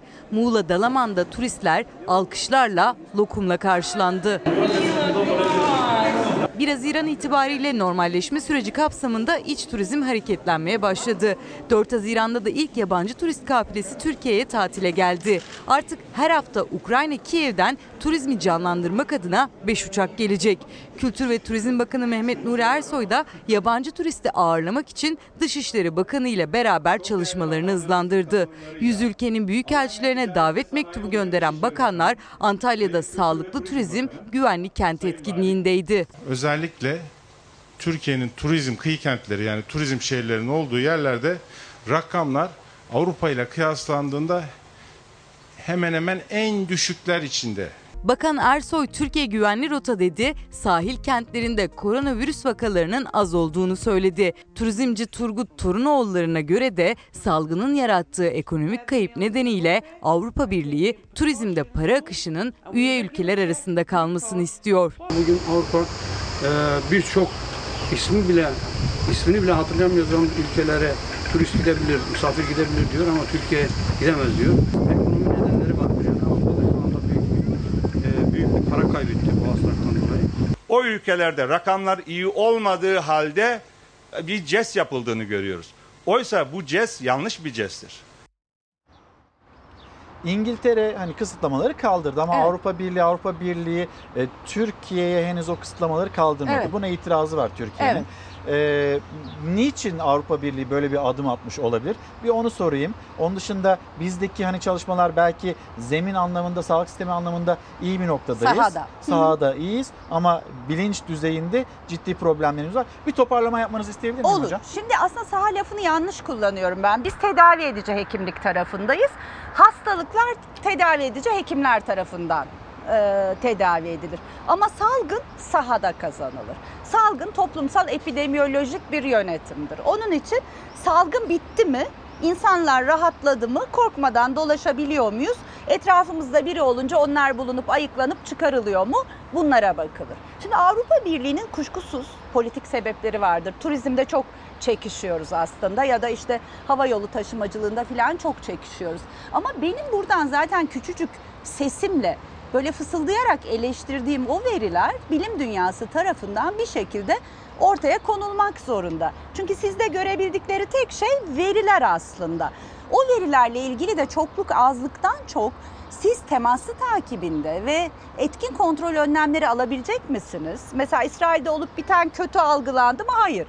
Bir model olarak döndük baktık. Aa okullar açılınca bu böyle oluyor. Onlar da bunu yapıyor gibi. Yani bunları gösterebildiğiniz sürece sorun olmadığını düşünüyorum. Bu verilerin alt kırılımları varsa onlarla o da ikna olacaktır diye düşünüyorum. Ama şunu söyleyeyim, etkin ve eko- e- e- yeterli kontrol önlemlerini dünyada hiçbir ülke almadı. Amerika korkunç gidiyor. Ve o erken ve etkin önlemler artık masadan kalkmış oluyor böylece. Artık masada olması Peki gereken... taahhütname bir önlem mi? Velilerden istenilen taahhütname ve benim çocuğumda bu virüs çıktı, ateşlendi. Ben okula çocuğumu göndermeyeceğim diye e, bakanlığın e, taahhütname e, alacağı söyleniyor velilerden. Ee, herhalde yani ileride- buradaki sorumluluk Evet. kimde? Yani veliye mi bırakılır? Hayır, hayır. Toplumda bir pandemi yönetiliyorsa nasılsa ben bir öğretim üyesi olarak çıkıp ortalık yerde pandemiyle ilgili her şeyi paylaşamıyorsam çünkü pandemi merkezi yönetilir. Benim nasıl merkeze bir sorumluluğum ve zorunluluğum varsa merkezinde bu yönetim sürecinde taahhütü var. Asıl taahhüt yani e, yönetim Merkeze ait. Tabii ki. Ve hocam son soru olsun. Şimdi seyahat edeceğiz Evet. diyorlar. Evet. Tatile gideceğiz, gezeceğiz. Uçağa binecek mi mesela hocam diye soruyorlar. Ee, yok Biner ben, misiniz diye. Ben bilmeyeceğim ama şimdi şöyle bir şey söyleyeyim. Ee, şimdi artık bu virüsün hayatımızdan çıkmayacağı gerçeğini kabul ettiysek ve artık şu mesafeyi bireysel, toplumsal ya da ülkesel olarak korumayı taahhüt edemiyorsak o zaman biz insan türü aklıyla var olmuş insan türü risk hesaplayarak yaşayacak. Diyelim ki götürdüm annemi babamı bıraktım ve orada hemen ulaşmam gereken bir mesele çıktı. Uçağa tabii ki bineceğim. Risk hesaplaması yapıyorum çünkü. Ya da ben bir saatlik uçak yolculuğunu ya da 10 saatlik uçak yolculuğunu ne için göze alıyorum? Asıl doğru soru bu. Benim hayatımdaki öncelik ne? Benim hayatımdaki sizin hayatınızdaki hepsi birbirinden Zorunda farklı kaldı. şeyler. Bineceğim tabii ki. Zorunda kalırsam bineceğim. Zorunda kalırsam Böyle hani beyaz kıyafetler var ya böyle. Öyle giyinmeyeceğim. tırnağa, Hayır. öyle mi? Maske takacağım. Maskenin üzerine siperlik takabilirim. Uçakta çünkü hiç sosyal mesafe korunmuyor. O önlemi alamayacaklarını söylediler zaten. Ee, çok uzun bir yolculukta çok sıkı ve koruyuculuğu yüksek maskeleri takamam. Ama mesela maskenin üstüne bir koruyucu yüz örtüsü takabilirim. Geçirgenliği azaltmaya çalışıyorum esasında. Sızıntı geçirgenliğini azaltmaya çalışıyorum. E tabii ki bir şey yiyip içeceksem de ağzımı açıp yiyip içip elimi yıkayacağım. Bu kesitsel olarak bir riski göze alıyorum aslında ama başka yolu yok. Çünkü gerçekten söylüyorum bu virüs başka bir şey olmazsa bizim hayatımızda çok uzun bir süre hayatımızda hem de. Hocam çok teşekkür ederim. Sağ olun. Ben teşekkür Aradım, ederim. Kırmadınız, Sağ olun, geldiniz her tekrar. zaman. E, Profesör Doktor Esin Davutoğlu Şenol'la konuştuk. Hem yaptıklarımızı, hatalarımızı hem de yapılması gerekenleri paylaştı bizimle. Şimdi bir ekonomi haberi paylaşacağım. Ben de orada hocamı uğurlayacağım. İki ay kullanım süresi olmuş. Ee, getirip bize satıyorlar yani senetle alıyorlar. Para çevirmek için satıyorlar. İhtiyaç var, para mı yok? İhtiyaç var paramız yok evet. Nasıl peki fiyatlar? Fiyatlar ikinci eller uygun ama sıfırlar almış başını gidiyor. Düğün sezonu açıldı. Maskeli, mesafeli düğün hazırlıkları da hız kazandı. Yeni ev kurmanın bedeli ise salgınla beraber daha da arttı. %20 civarında zamlanan sıfır beyaz eşyalar ilgiyi ikinci ellere kaydırdı. Sıfırdan çok ikinci el ama ikinci elinde daha eski modellerini almaya çalışıyorlar. İnsanlar artık dediğim gibi günü kurtarmanın peşinde yani. İki yıl önce alınmış sıfır olaraktan. Şu an bir yıla yakın servis garantisi devam ediyor hala. Fiyat normal sıfır olaraktan 3300 lira civarında. Bizdeki fiyatı da 1800 TL. Peki e, garantisi devam ederken niye satma ihtiyacı duyuyorlar bu ürünü? Ya maddi durumlarından Birçok ikinci el beyaz eşya ürünleri aslında sıfırına yakın diyebiliriz. Çünkü çoğu ihtiyaçtan satılıyor. Kimi işsiz kalıp buzdolabından, çamaşır makinesinden vazgeçti. Kimi de parayı nakite çevirebilmek için krediyle buzdolabı, çamaşır makinesi, bulaşık makinesi alıp satmak zorunda kaldı. Yenilemek ya da bir üst modelini almak için değil, sadece geçinebilmek için bile evindeki eşyasını satmak zorunda kalanlar da spotçuların kapısını çalıyor. Eskiden mesela adam yenilemek için satıyordu. Şu anda öyle bir olay yok. Daha gidiyorum eve bir aylık, iki aylık ürünler satılıyor yani. Evindeki eşya ihtiyacından dolayı satan çok insan var. Biz eee, onu 1000 liraya aldık. Peki ne kadara satacaksınız? Maksimum 1200 lira. Özellikle son dönemde ikinci el beyaz eşya ürünlerine talepler arttı. Bu ikinci el buzdolabının fiyatı 3500 lira ama sıfırını almak isterseniz buzdolabının fiyatı 7000 liraya kadar çıkıyor. Ne kadar zamandır kullanıyordunuz beyaz eşyalarınızı? 10 sene oldu, 10-12 sene oldu. Evet, artık değiştirmek zorunda kaldık. Biz de mecburen ikinci eli tercih ettik. Mehmetcan Çelik de asgari ücretle çalışan bir tekstil işçisi. İki çocuk babası. O da ikinci el için spotçuların kapısını çaldı. Bunu aldık, bulaşık makinesi aldık, 2000 lira ödedik. Peki sıfır alsaydınız? Sıfır alsaydık 7000 lira. Kamu bankaları yerli üretim yapan firmalardan alışveriş yapana düşük faizli beyaz eşya kredisi veriyor. Ancak %0.55 faiz oranı bile çoğu tüketicinin sıfır ürün almasına yetmiyor. Sıfır almak istemez miydiniz? Almak istedik ama imkanlar yok. Efendim bir mola verelim ve hızlıca dönelim. Efendim bir kez daha günaydın. Çalar Saat'e nokta koymadan hemen önce bugün çok fazla mesajlarınıza bakamadık. Saat 10.44 itibariyle hemen bir mesajlarınıza bakayım. Birkaç tanesini en azından okuma fırsatımız olsun. Timur Bey, Timur Uğur günaydın ve iyi haftalar diliyor herkese. İstemesek de alıştık demekte. Beyhan Gün maskeyle yaşamaya alışamadık. Bugünkü başlığımız alışamadık idi. Mustafa Karagöz amcam, günaydın amca. Ayşe Rızaoğlu kavgalardan, haksızlıklardan uzak günler diliyorum demekte. Fatma Kandemir selamlarımızı iletelim. Bugün aramızda katılan, sosyal medyadan bizi takip eden izleyicilerimiz var. Onlara da günaydınlarımızı iletelim. Kitaplarımız var, onları da göstereyim. 60 yaşım, merhaba. Mustafa Şahin'in yazdığı ve bizim için imzalayıp gönderdiği kitap. Artık toprağa bağlı değilim. Müslüm Tekin ve Cem Say. Yeni Dünya Yeni Ağ. Bilgi, bilimin bakışıyla evren, hayat ve insanlığın yükselişi dedi. Bizimle paylaştığı kitaplarda kapatırken her zamanki gibi teşekkürümüz sizlere. Bizi izlediğiniz için teşekkür ederiz. Yarın bir manikeler olmazsa saatler 8'i gösterdiğinde biz Türkiye'nin, dünyanın sizin bizim gündemimizi aktarmak için yine burada bu ekranda olacağız. Şimdilik hoşçakalın.